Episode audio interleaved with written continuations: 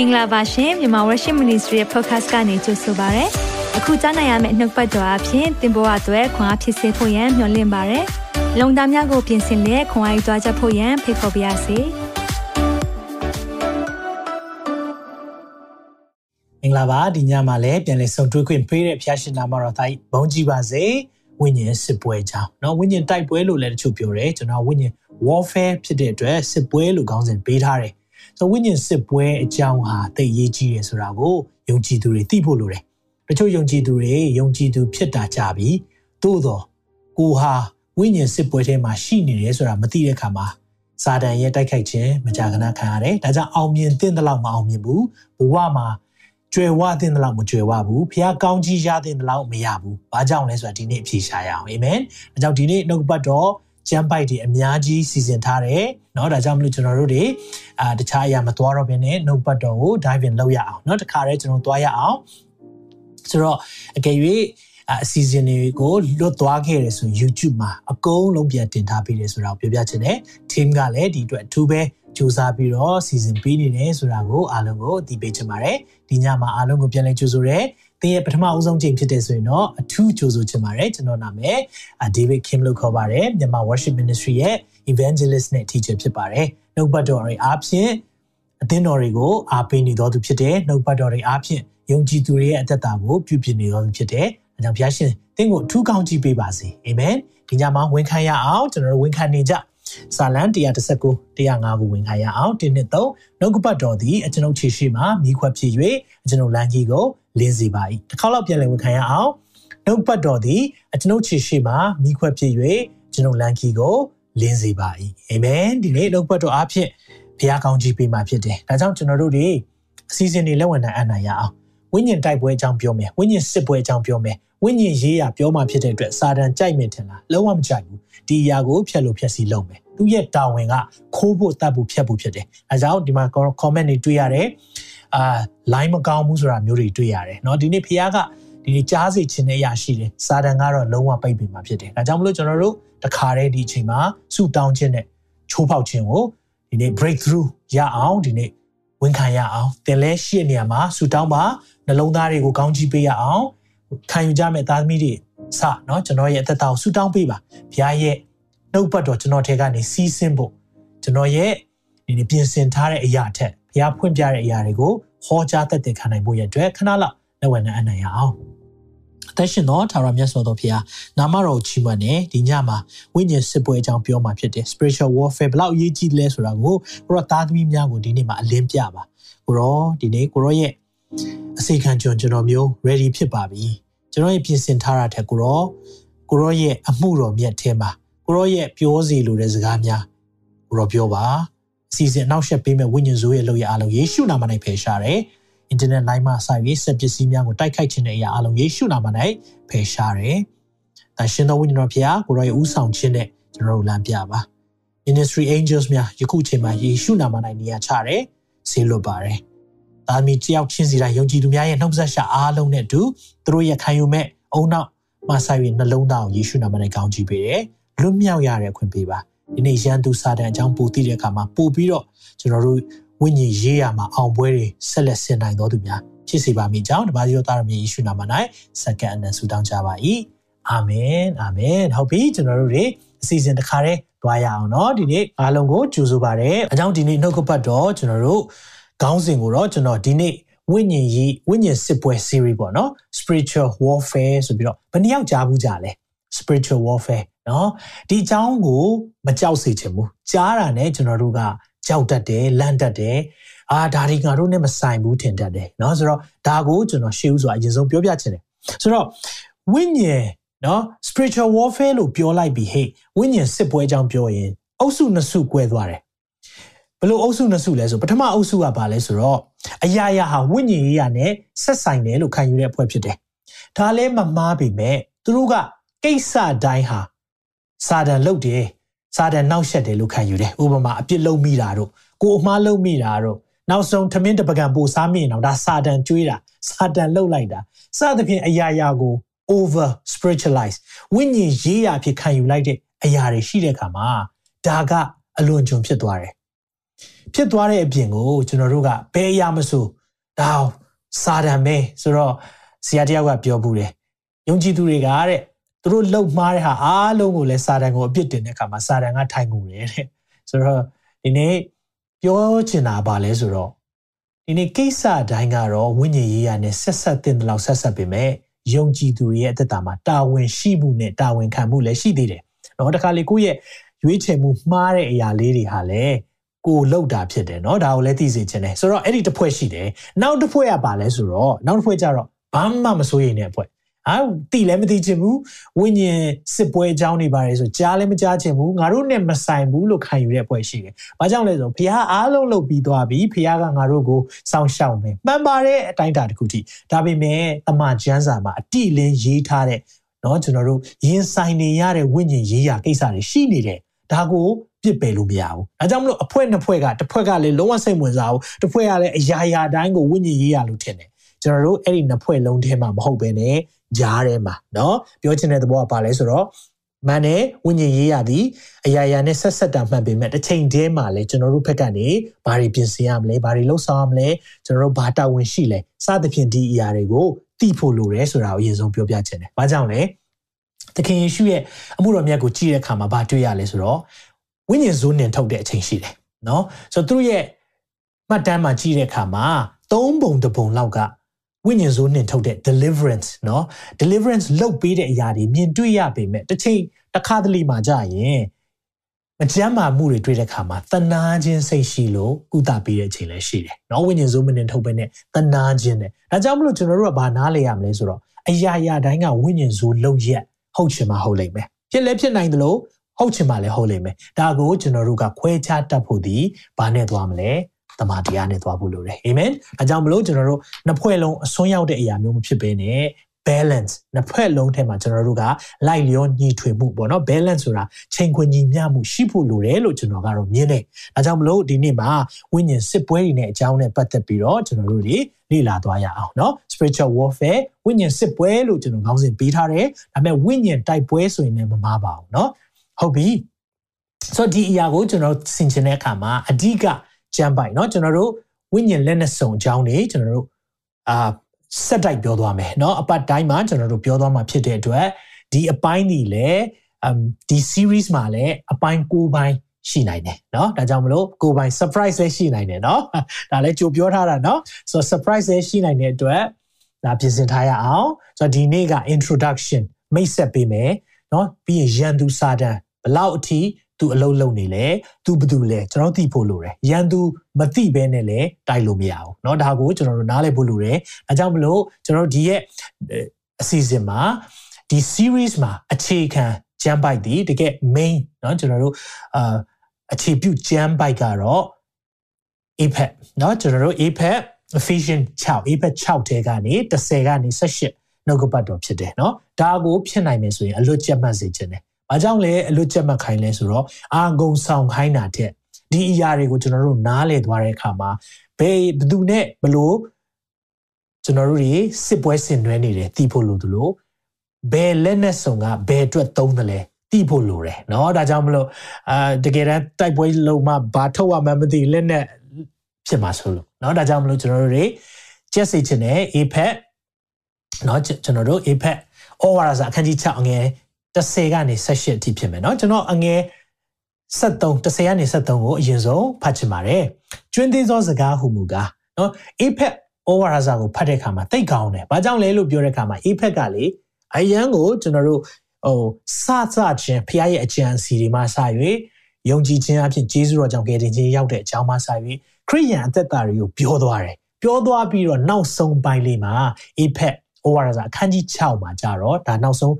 နောက်ဆုံးအခန်းမှာဗာပြောသွားလဲဆိုတော့ဝိညာဉ်တိုက်ပွဲအကြောင်းတွေပြောသွားတယ်။ဒါကြောင့်မလို့ကျွန်တော်တို့ဖြစ်နိုင်မယ်ဆိုရင် soap method နဲ့ APEC overasa ကိုလည်းလေ့လာစေချင်တယ်ဆိုတာကိုပြောပြချင်တယ်နော်။ဟုတ်ပြီ။ဆိုတော့ကျွန်တော်ကျွင်းသေးသောစကားကညီအကိုတို့ညီအကိုလို့ပြောပြီးဆိုရင်တခြားမဟုတ်ပါဘူး brethren ဆိုတာယုံကြည်သူတွေကိုပုံဆောင်ပါတယ်။ယုံကြည်သူတို့လို့နော်ပြောတာဖြစ်တယ်။သခင်ဖျားအားဖြင့်နော်သခင်ဖျားဆိုတာသခင်ယေရှုကိုပြောတာဖြစ်တယ်။တကိုးတော်အရှင်ဖျားရဲ့တကိုးနဲ့ ခိုင်ခန့်ခြင်းရှိပါအာမင်ခိုင်ခန့်ခြင်းရှိပါဒါဆိုရင်ကျွန်တော်တို့တွေကစစ်ပွဲဝင်ရတော့မယ်တိုက်ပွဲဝင်ရတော့မယ်အရာကိုရှင်ပေါလုကကျွန်တော်တို့သတိပေးတယ်ခိုင်ခတ်ပါတဲ့မာနဤပရိယေဒါကြောင့်မာနရဲ့ပရိယေကျွေတဲ့မာနရဲ့အရာအလုံးကိုစီးတားနိုင်ဖို့ရန်အတွက်နော်ဒါကြောင့်ကျွန်တော်တို့ဒီနှုတ်ပတ်တော်တွေဘာကြောင့်ဟောလဲမာနရဲ့ပရိယေနဲ့ကျွန်တော်တို့ယုံကြည်သူတွေကိုတိုက်ခိုက်မဲ့အရာတွေကိုစီးတားနိုင်ဖို့ရန်အတွက်သတိပေးတာဖြစ်တယ်ဒါက ဟို own doctrine မဟုတ်ပါဘူးဖခင်ရဲ့နှုတ်ကပတ်တော်အမှာကျမ်းစာထဲမှာအတိလင်းပြောထားတဲ့ယုံကြည်သူများကြိုတင်ပြင်ဆင်နိုင်ဖို့ရန်အတွက်ပြောထားတဲ့အရာဖြစ်တယ်ဆိုတာကိုသိစေချင်တယ်။အဲကြောင့်လက်နဲ့စုံနော်ဖျားသခင်ပြင်ဆင်တဲ့လက်နဲ့စုံကိုဝစ်ဆောင်ကြလောတဲ့ဒီနေ့ကျွန်တော်လက်နဲ့စုံအကြောင်းမပြောသေးဘူး။နောက်သင်ခန်းစာကြမှာလက်နဲ့စုံအကြောင်းပြောမယ်။ဒီသင်ခန်းစာမှာဗာပြောမလဲဆိုတော့ဘာကြောင့်မလို့ကျွန်တော်တို့ကဝိညာဉ်စစ်ပွဲထဲမှာရှိနေတယ်လဲ။ရန်သူကဘာတူလဲ။ သူ့ရဲ့ prayer တွေကဘာလဲစသဖြင့်ကျွန်တော်တို့ဒါကိုလေ့လာသွားမှာဖြစ်တယ်အာမင်ဒါကြောင့်မလို့ဟုတ်ပြီကျွန်တော်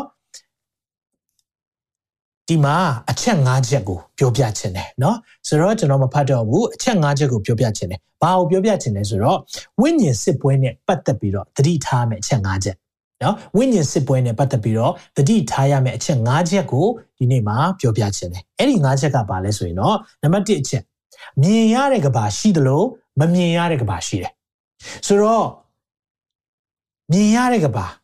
အခုကျွန်တော်တို့တွေမြင်တွေ့နေရတယ်ဒါပေမဲ့မမြင်ရတဲ့ကဘာเนาะယူပအရာအယူပအရာဆိုတာမြင်နိုင်တဲ့အရာယူပအရာ physical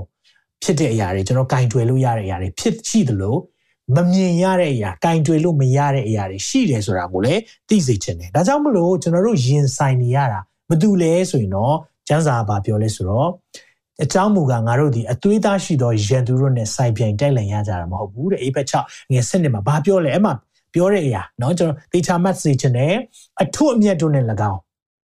အထွတ်အမြတ်ထားတဲ့အရာတွေအာနာဇက်တွေတို့နဲ့၎င်းလောကီမောင်မိုက်နိုင်အစိုးတရားပြုလုပ်တော့မင်းနော်ဒါကြောင့်မလို့ဘာမင်းညာမင်းကျွန်တော်တို့တွေကြားဘူးလိမ့်မယ်မြန်မာပြည်သားတွေသူတို့ဖြင့် ဓမ္မမိတ်ဆွေတွေပိုသိလိမ့်မယ်เนาะဘာမင်းကိုကိုးကွယ်တယ်ဘာမင်းเนาะ38မင်းစသဖြင့်ကျွန်တော်ဒီလို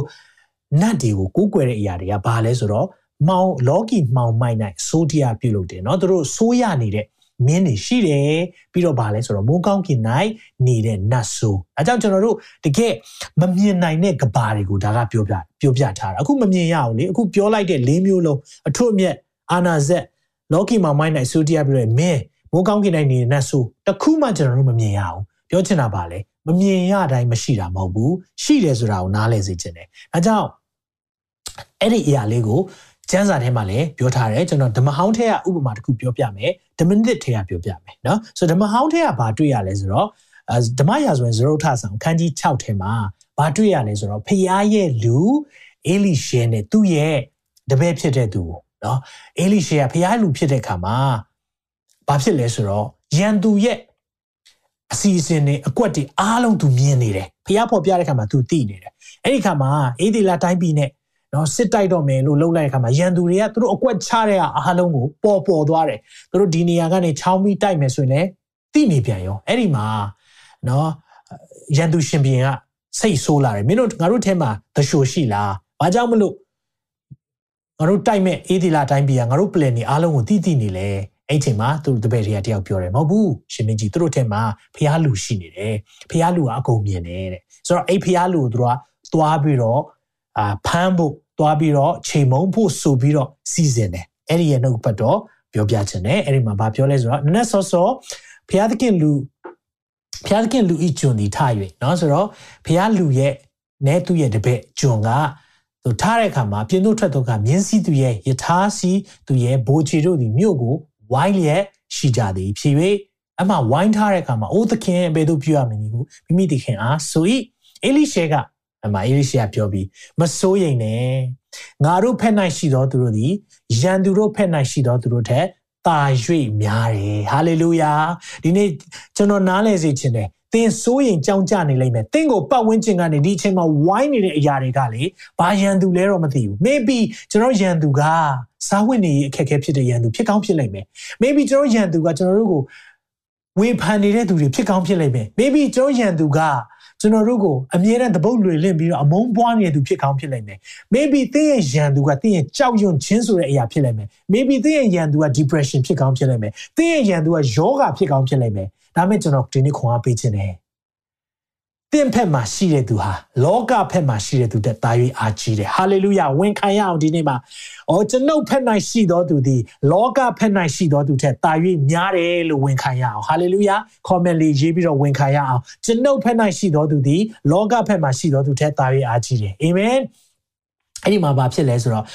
ဆုတောင်းလိုက်တယ်။အိုထာရဖျားဤသူသည်မြင်နိုင်မိအကြောင်းသူ၏မျက်စိကိုဖွင့်တော်မူပါဟုဆုတောင်းတယ်။ အေလိရှေယသူ့ကျွန်ကိုဆူတောင်းပေးတဲ့အခါမှာဘာဖြစ်သွားလဲဆိုတော့သာရဖျားသည်ထိုလူလီမျက်စိကိုဖွင့်တယ်ကျောတာမန်မျက်စိနဲ့မမြင်နိုင်တဲ့အရာဖျားဖွင့်ပေးတဲ့အခါမှာဘာမြင်လဲဆိုတော့အေလိရှေပက်လေ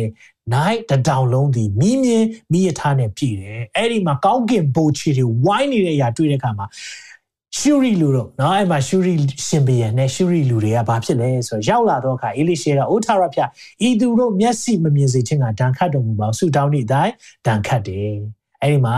ဒီဇက်လန်ကိုပြန်ဖတ်ကြည့်မယ်ဆိုရင်သူတို့မျက်စိမမြင်တဲ့အခါမှာအားလုံးကိုဘယ်မှာပေါ်သွားစီလဲဆိုတော့အဲ့မှာရှမာရိမြို့ထဲမှာရောက်သွားတယ်ရောက်လဲရောက်သွားရောသူတို့ကိုအဲ့ဒီအချိန်မှာမျက်စိမြင်ခိုင်းလိုက်ပါလို့ပြောတဲ့အခါမှာသူတို့မျက်စိပြန်မြင်တဲ့အခါမှာသူတို့ကရှမာရိမြို့တနည်းအားဖြင့်သူတို့ရန်သူတွေကသွားတိုက်ပေမဲ့အေးဒီလာတိုင်းပြည်ထဲမှာသူတို့ရောက်နေတာရောက်နေတဲ့အခါမှာအဲ့ဒီမှာအေးဒီလာရှင်ပြန်ကဘာလုပ်ရမလဲအေလီရှင်ပြီးတော့ထမင်းကျွေးပြီးပြန်လွတ်လိုက်ပါဆိုတော့အစားတောက်တွေပြီးပြီးပြန်လွတ်လိုက်တယ် နော်ပြောချင်တာပါလဲဆိုတော့ဖျားဖွင့်ပြပြီးရင်မျက်လုံးမြင်မှဒီနေ့မမြင်နိုင်တဲ့ကဘာဆိုတာရှိတယ်ဟောကျွန်တော်ပတ်ဝန်းကျင်မှာဝိဝိညာဉ်ရေးရလောကကြီးရရှိနေသေးတယ်ဆိုတာကိုသိစေချင်တယ်ဆရာတယောက်ဘာပြောဘူးလဲဆိုတော့ဝိညာဉ်ဇိုးဆိုတာဘာလဲသူ့အမေတဲ့ခါမှာသူကဘာပြောလဲဆိုတော့ဝိညာဉ်ဆိုနော် demonic spirit တွေကပါလဲဆိုတော့တဲ့ a person without body ပုဂ္ဂိုလ်ဖြစ်တယ် ခန္ဓာကိုယ်မရှိသောပုဂ္ဂိုလ်တဲ့ဘလောက်ကြောက်ဖို့ကောင်းမလဲပုဂ္ဂိုလ်ပဲနော်ပုဂ္ဂိုလ်ဆိုတဲ့အတိုင်းပဲနော် person ဆိုတာပုဂ္ဂိုလ်သူတို့မှာလှုပ်လို့ရတဲ့အရာတွေရှိတယ်သူတို့ကခံစားချက်တွေရှိတယ်သူတို့မှာကိုယ့်ကိုယ်အန္တရာယ်ပြုနိုင်တာဒါပေမဲ့ပြဿနာပါလဲဆိုတော့ကျွန်တော်တို့ကမမြင်ဘူး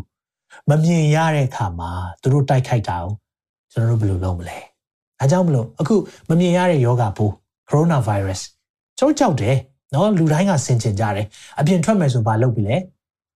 master ပြီလက်ကိုစေးမယ်ဟုတ်လားဘာကြောင့်လဲ face shield တွေနော်မျက်နှာကာတဲ့အရာတွေဘာလို့ကာလဲမမြင်နိုင်ဘူးလေမမြင်နိုင်တော့ဆရာရဲ့ဒီယောဂပိုးတွေက affect ဖြစ်မှာပေါ့ဒါဆိုရင်သင်သတိထားလိုက်အဲ့ဒီယောဂပိုးတဲ့ကြောက်ကြောက်ဖို့ကောင်းတဲ့အရာရှိတယ်။ဘာလဲသိလား demonic forces ဝိညာဉ်ဆိုးတွေရှိတယ်။ပတ်လည်မှာအဲ့လိုရှိနေတဲ့အခါမှာသင်ဘာအကာအကွယ်လူယူထားလဲ။သင်မှာအကာအကွယ်မရှိဘူးဆိုတော့သင်ဟာ တိုက်ခိုက်ခံရဖို့များနေတဲ့သူဖြစ်တယ်။အဲကြောင့်မလို့စဉ်းစားကြည့်လိုက်။သင် coronavirus များတဲ့နေရာမှာဘာမှမပါဘဲသွားရင်သင်ဟာယောဂပိုးရဖို့နဲ့အတိုက်ခိုက်ခံရဖို့သည်ပိုပြီးသူများထက် chance ပိုများတယ်။ထုံနည်း၎င်းပဲ။ဝိညာဉ်လက်နဲ့စုံနေသင်မတက်ဆင်ထားဘူးဆိုရင်လည်းတင့်ကိုဝိညာဉ်ဆိုတိုက်ခိုက်ဖို့ရန်အတွက်သိပ်ပြီးတော့လွယ်ကူတယ်ဆိုတာကိုသိစေချင်တယ်နော်ဒါကကျွန်တော်တို့ဓမ္မဟောင်းထဲမှာ တွေ့ရတဲ့အကြောင်းအရာဖြစ်တယ်ဓမ္မသစ်ထဲမှာလည်းဗာတွေ့ရတယ်ဆိုတော့နှစ်ကောအငယ်30 35မှာဗာပြောလဲဆိုတော့အဲ့ဒီမှာအဘဲကြောင့်နေုံကငါတို့ဒီလူဇာတိ၌ကျင်လေတော်လဲဇာတိပဂတိအလိုတို့လိုက်၍စစ်တိုက်ကြသည်မဟုတ်နော်ဆိုတော့ကျွန်တော်တို့တွေက flash ဆိုရဲဒီကိုခန္ဓာအသွေးအသားနဲ့စစ်တိုက်တာမဟုတ်ဘူးတဲ့ငါတို့စစ်တိုက်၍သုံးဆွဲသောလက်နဲ့ဘာလက်နဲ့လဲဇာတိပဂတိလက်နဲ့မဟုတ်ဘူးတဲ့ဆိုတော့ physical လက်နဲ့ဒီမဟုတ်ဘဲနဲ့ဘာလဲဆိုတော့ဖရားရဲ့တကူတော် hallelujah ကျွန်တော်တို့လက်နဲ့ဒီဖရားရဲ့တကူတော်ဖြစ်တယ် hallelujah ဝန်ခံရအောင်ကျွန်ုပ်တို့လက်နဲ့ဒီဖရားရဲ့တကူတော်ဖြစ်တယ်အဲ့ဒီတကူတော်နဲ့ဘာလုပ်လို့ရလဲမြို့ယိုးမြို့ပြတွေကိုဖြိုဖျက်နိုင်တယ်ဘာမြို့ယိုးတွေလဲ stronghold လို့အင်္ဂလိပ်ကျမ်းစာမှာသုံးတယ်အမာခံခံတက်တွေစာတန်ကခံတက်တွေအမြဲတမ်းထားလေးရှိတယ်နော် အဲ့ဒီခံတက်တွေကိုဖြိုဖျက်နိုင်တာဖခင်ရဲ့တကူတော်ဖြစ်တယ်အဲ့ဒီလက်နက်တွေနဲ့ကျွန်တော်တို့ကတိုက်ခိုက်နေတယ်ဆိုတာကိုနားလည်စေချင်တယ်ဒါဆိုရင်အငယ်ကားမှာဗာပြောလဲထိုလက်နဲ့အပြင်လူတို့ရဲ့အကြံစီတခါလေကျွန်တော်တို့မပြောင်းလဲနိုင်ခေါင်းမာလိုက်တာဒီလူတွေဘာလို့ခေါင်းတလောက်မာတာလဲတခါလေထင်တယ်ကျွန်တော်မသိလိုက်တာကကျွန်တော်တို့ဟာအဲ့ဒီ stronghold ဆိုတဲ့မာကြောတဲ့ဟာเนาะတချို့လူတွေအတွက်မာကြောတဲ့နေရာက physical နေရာထက်เนาะအပြင်ပန်းနေရာထက်ဒီရဲ့အတွေးခေါ်မှာဖြစ်တတ်တယ် တခုအတွေးခေါ်မှာကြောတဲ့အခါမှာမပြောင်းလဲနိုင်ဘူးဘလောက်ဆူတောင်းပေးပေးတခါလေးမှမပြောင်းလဲနိုင်ဘူးအဲကြောင့်မလို့ထိရောက်သောဧဝံဂေလိဟောခြင်းနဲ့ထိရောက်သောအမှုဆောင်ခြင်းကဝိညာဉ်တိုက်ပွဲဝင်ပြီးသွားဖို့လိုတယ်ဝိညာဉ်တိုက်ပွဲထဲမှာအောင်နိုင်ခြင်းရှိမှပဲကာယအခြေအနေမှာအောင်မြင်ခြင်းရှိတယ်ပြန်ပြောမယ်နော်ဝိညာဉ်ပိုင်းဆိုင်ရာကိုအောင်မြင်မှကာယပိုင်းဆိုင်ရာအောင်မြင်ခြင်းရှိတယ်ဒါကိုနားလဲစေခြင်းတယ်ဒါကြောင့်မလို့ကျွန်တော်တို့တွေအမှုတော်မြတ်ထဲမှာဒီနေ့လိုမျိုး တရားဟောတော့မယ်ဒီအကြောင်းအရာဟောတဲ့အခါမှာစာတန်ကြိုက်မယ်ထင်လားဘယ်ကြိုက်မလဲကျွန်တော်တို့တောက်လျှောက်နှောက်ရှက်တယ်အမြဲတမ်းဒုက္ခပေးခြင်းတယ်ဒါပေမဲ့ကျွန်တော်တို့ကမာနကိုစီတားထားတယ်ဒါကြောင့်မလို့လူတွေလွတ်မြောက်ဖို့ဒီနေ့မှာမြောက်များစွာသောယုံကြည်သူများလွတ်မြောက်မယ်ဟာလေလုယာသင်ယုံကြည်ပါသလားအာမင်ဘာပြောထားသေးလဲသခင်ဖျားကိုတိသောပညာကိုစီတာသောမာမာနတွေ့လားအဲ့ဒီ stronghold အဲ့ဒီသခင်ဖျားကိုတိတဲ့အရာစီတာတဲ့အရာရှိလေရှိတယ်ဘာလဲမာမာနပဲအဲ့ဒီမာမာနကိုဖြိုချဖို့ကဘာနဲ့ပဲလုပ်ရလဲဝိညာဉ်တိုက်ပွဲထဲမှာဖျားရဲ့တကူတော်နဲ့အောင်မြင်ဖို့လိုတယ်ဟာလေလုယာနှိမ်ချမှောက်လန့်၍ခတ်သိမ်းသောစိတ်တို့ကိုဖန်သွားချုပ်ထားလဲခရစ်တော်၏စကားကိုနားထောင်စေကြ၏ခရစ်တော်၏စကားကြားဖို့ရန်အတွက်ကလေဒီအရာတွေကျွန်တော်ဝိညာဉ်ထဲမှာအရင်ဆုံးရှင်းလင်းလုပ်ဖို့လိုတယ်ဒါကြောင့်ကျွန်တော်တို့အမှုတော်မြတ်တစ်ခုသွားရင်ကျွန်တော်အမြဲတမ်းဆူတောင်းခံချက်တင်ပြတာဆူတောင်းပေးကြပါ ministry အတွက်ပါဝင်ကြပါနောက်တန်းကနေလှုပ်ရှားပေးကြပါเนาะဆူတောင်းခြင်းနဲ့ကူညီကြပါဘာကြောင့်ပြောလဲကျွန်တော်ဒါတွေမပါဘဲနဲ့လေလူတွေကိုဖះရဲ့နှုတ်ပတ်တော်ပြောနေအောင်မှသူတို့သဘောကိုမပေါက်နိုင်ဘာကြောင့်လဲစာတန်က veil ဖုံးထားတယ်ဆိုတာကာအကာယံဖုံးထားတယ်ဒါတွေကိုအရင်ဖယ်မှပဲเนาะနှုတ်ပတ်တော်ဟောကြားလို့ရတယ်ဒါကြောင့်ဆရာကြီး Billy Graham တို့သူ့သားတို့လာရင်သူတို့တရားဒီတိုင်းပဲလာမဟုတ်ဘူးရှေ့မှာ အဖွဲ့လွှတ်လိုက်တယ်ဝိညာဉ်တိုက်ပွဲဝင်မဲ့အဖွဲ့တွေနဲ့အဲမှာမြန်မာနိုင်ငံထဲကဝိညာဉ်တိုက်ပွဲဝင်တဲ့သူတွေပေါင်းပြီးတော့အရင်ဆုံးတိုက်ခိုက်ပြီးဖယ်ရှင်ပြီးမှပဲသူတို့တွေနှုတ်ပတ်တော်ဟောတယ်အဲဒါကြောင့်လို့သူတို့ရဲ့ဟောကြားချက်တရားထိရောက်တယ်ဒါပေမဲ့သူတို့ဟောတဲ့နှုတ်ပတ်တော်ကျွန်တော်ကြားဘူးတဲ့အရာတွေပဲဖျားရဲ့မြတ်တာယူယူလေးကဲတင်ချင်းသတင်းစကားပဲပြောတာဒါပေမဲ့ဘာကြောင့်သိထိရောက်လဲဝိညာဉ်တိုက်ပွဲဝင်ထားတယ်ဖျားရဲ့တကူတော်နဲ့ဒီရဲ့နော်မာကြောနေတဲ့ မမာနာတွေကာယံထားတဲ့အရာတွေကိုအရင်ရှင်းဖို့လိုတယ်ဆိုတာကိုပြောပြခြင်းတယ်အာမင်ဒါနံပါတ်1ချက်ဖြစ်တယ်နံပါတ်2ချက်တင့်ရန်သူဟာအသွေးအသားရှိတော်သူမဟုတ်ဘူးဆိုတာသိစေခြင်းတယ်ဒါတိတ်ကိုတိတ်ကိုနားလည်ရမယ့်အချက်ဖြစ်တယ်နော်တိတ်ကိုသတိထားမယ့်အချက်ဖြစ်တယ်တင့်ရန်သူအသွေးသားမရှိဘူးလို့ပြောတဲ့အခါမှာဒါဆိုရင်တင်ကြည့်မရတဲ့သူတင့်ကိုရန်မှုနေတဲ့သူအသွေးသားရှိတဲ့သူဖြစ်နေတယ်အိမ်နီးနားချင်းဖြစ်နေတယ် အတင်းတော်တွေကလူဖြစ်နေတယ်ဒါမှမဟုတ်ဆွေမျိုးတွေကလူဖြစ်နေဒါမှမဟုတ်မိသားစုတွေကဖြစ်တယ်ဆိုရင်ဒါရန်သူမှန်လားမှားလားမှားတယ်ဒါပေမဲ့နော်ဒါဆိုဆရာဘာလို့သူတို့အဲ့လိုလုပ်လဲစာတန်ကသူတို့အသုံးချတယ်သုံးချတယ်လူတွေကိုအမြဲတမ်းစာတန်အသုံးချတယ်ဆိုတာသိစေချင်တယ်သူတို့ကတကားဖွင့်ထားပေးတယ်သူတို့ကသူတို့အတွေးခေါ်ထဲမှာမမာနခုနတွေ့လားမမာနရှိတဲ့လူစာတန်အရန်သုံးတယ်ဘာလို့သုံးလဲအဲ့ဒီလူတွေကိုအသုံးချပြီးတော့အမြဲတမ်းတိုက်ခိုက်လေးရှိတယ်ဘာလို့လဲ သူတို့က spirit ဖြစ်တဲ့ခါမှာဝိညာဉ်နေဖြစ်တဲ့ခါမှာသူတို့ဟာအသုံးချမဲ့လူလိုအပ်တယ်သူတို့တယောက်ယောက်ကိုယုံကြည်သူတွေကိုတိုက်ခိုက်ခြင်းပြီဆိုရင်အမြဲတမ်းဒီနီလာအမြဲသုံးတယ်နော်ဒါကြောင့်မလို့သခင်ဖျားသခင်ယေရှုကိုတိုက်ခိုက်ခြင်းတဲ့အခါမှာယူရရှာခရုတ်ထဲကိုစာတန်ဝင်တယ်တဲ့နော်ဆိုတော့ပြောချင်တာကဒီလိုမျိုး သူလှုပ်တော့မယ်တခုခုကိုလှုပ်တော့မယ်ဆိုလူတွေကိုအသုံးချလေးရှိတယ်။ဒါပေမဲ့ကျွန်တော်တို့နားလည်ရမှာကတင့်ရန်သူဟာအသွေးသားမရှိဘူး။ဒါဆိုအသွေးသားမရှိဘူးဆိုတာဘာကိုနားလည်ရလဲ။နှုတ်ပတ်တော်နဲ့ကြည်အောင်။ဘာပြောထားလဲ။အေဖက်6ငယ်7မှာအချားမူကငါတို့သည်အသွေးအသားရှိသောရန်သူတို့နဲ့ဆိုင်ပြန်ရတာမဟုတ်ဘူး။ဒါကိုနားလည်စေချင်တယ်နော်။ဒါကြောင့်မလို့ဒီနေ့မှာကျွန်တော်ရန်သူဘယ်သူလဲဆိုတာအမြင်ပြောင်းရအောင်။ နော်အမြင်ပြောင်းလိုက်ရအောင်အကယ်၍ကိုကြည့်မရတဲ့သူကကိုအိမ်တွင်ထဲကဖြစ်တယ်သူတို့မဟုတ်ဘူးနော်သူတို့ကိုအသုံးချနေတယ်သူတို့နောက်ွယ်ကသူဖြစ်တယ်ဆိုတာသိဖို့လိုတယ်အိမ်နောက်ွယ်မှာဝိညာဉ်စိုးတွေရှိတယ်ဒါဆိုရင်ယုံကြည်သူတွေကိုသုံးတတ်လားသုံးတတ်တာပေါ့ယုံကြည်သူတွေကိုမပြောနဲ့အမှုတော်ဆောင်တွေရောသုံးချတတ်လားသုံးချတတ်တယ်ခရစ်တော်နဲ့၃နှစ်သုံးဖို့နေခဲ့တဲ့အေဝံဂေလိအကြီးကျယ်ဟောခဲ့တဲ့ယူရရှာခင်ုံတောင်သုံးသေးတယ်ပေဂျီကိုရောသုံးလားသုံးတယ် နော်သခင်ခရစ်တော်အသေးခံရမယ်ပြောတော့လုံးဝအသေးမခံရအောင်ကိုရောကာကွယ်မယ်အဲ့လိုပြောတော့ဗာပြောလဲအချင်းစာတန်ကတော့သူဆုံးလားအဲ့ပေတီကိုပြောတာလားဒါမှမဟုတ်ပေတီကိုအတုံးချတဲ့ဝိညာဉ်စိုးကိုပြောတာလားပေတီကိုအတုံးချတဲ့ရန်သူကိုပြောတာဒါကြောင့်မလို့ကျွန်တော်နားလည်ရအောင်ဒီလိုအနှုတ်ကပတ်တော်ဟောနေတဲ့သူတွေတောင်မှအတုံးချခံရတတ်တယ်ဆိုတာသိဖို့လိုတယ်အဲကြောင့်ကျွန်တော်တို့ကဝိညာဉ်လက်နက်စုံတွေနဲ့ကာကွယ်ဖို့လိုတယ်ဟုတ်ပြီနော်ဒါလေးကိုနောက်ပိုင်းမှာကျွန်တော်ဆက်ပြောသွားမယ် နှစ်ကော30ငယ်35မှာဗာပြောလဲခုနကျွန်တော်ဒါကိုလေ့လာပြီးပြီကျွန်တော်အသွေးသားရှိတဲ့ရန်သူမဟုတ်တဲ့ခါမှာကျွန်တော်တို့က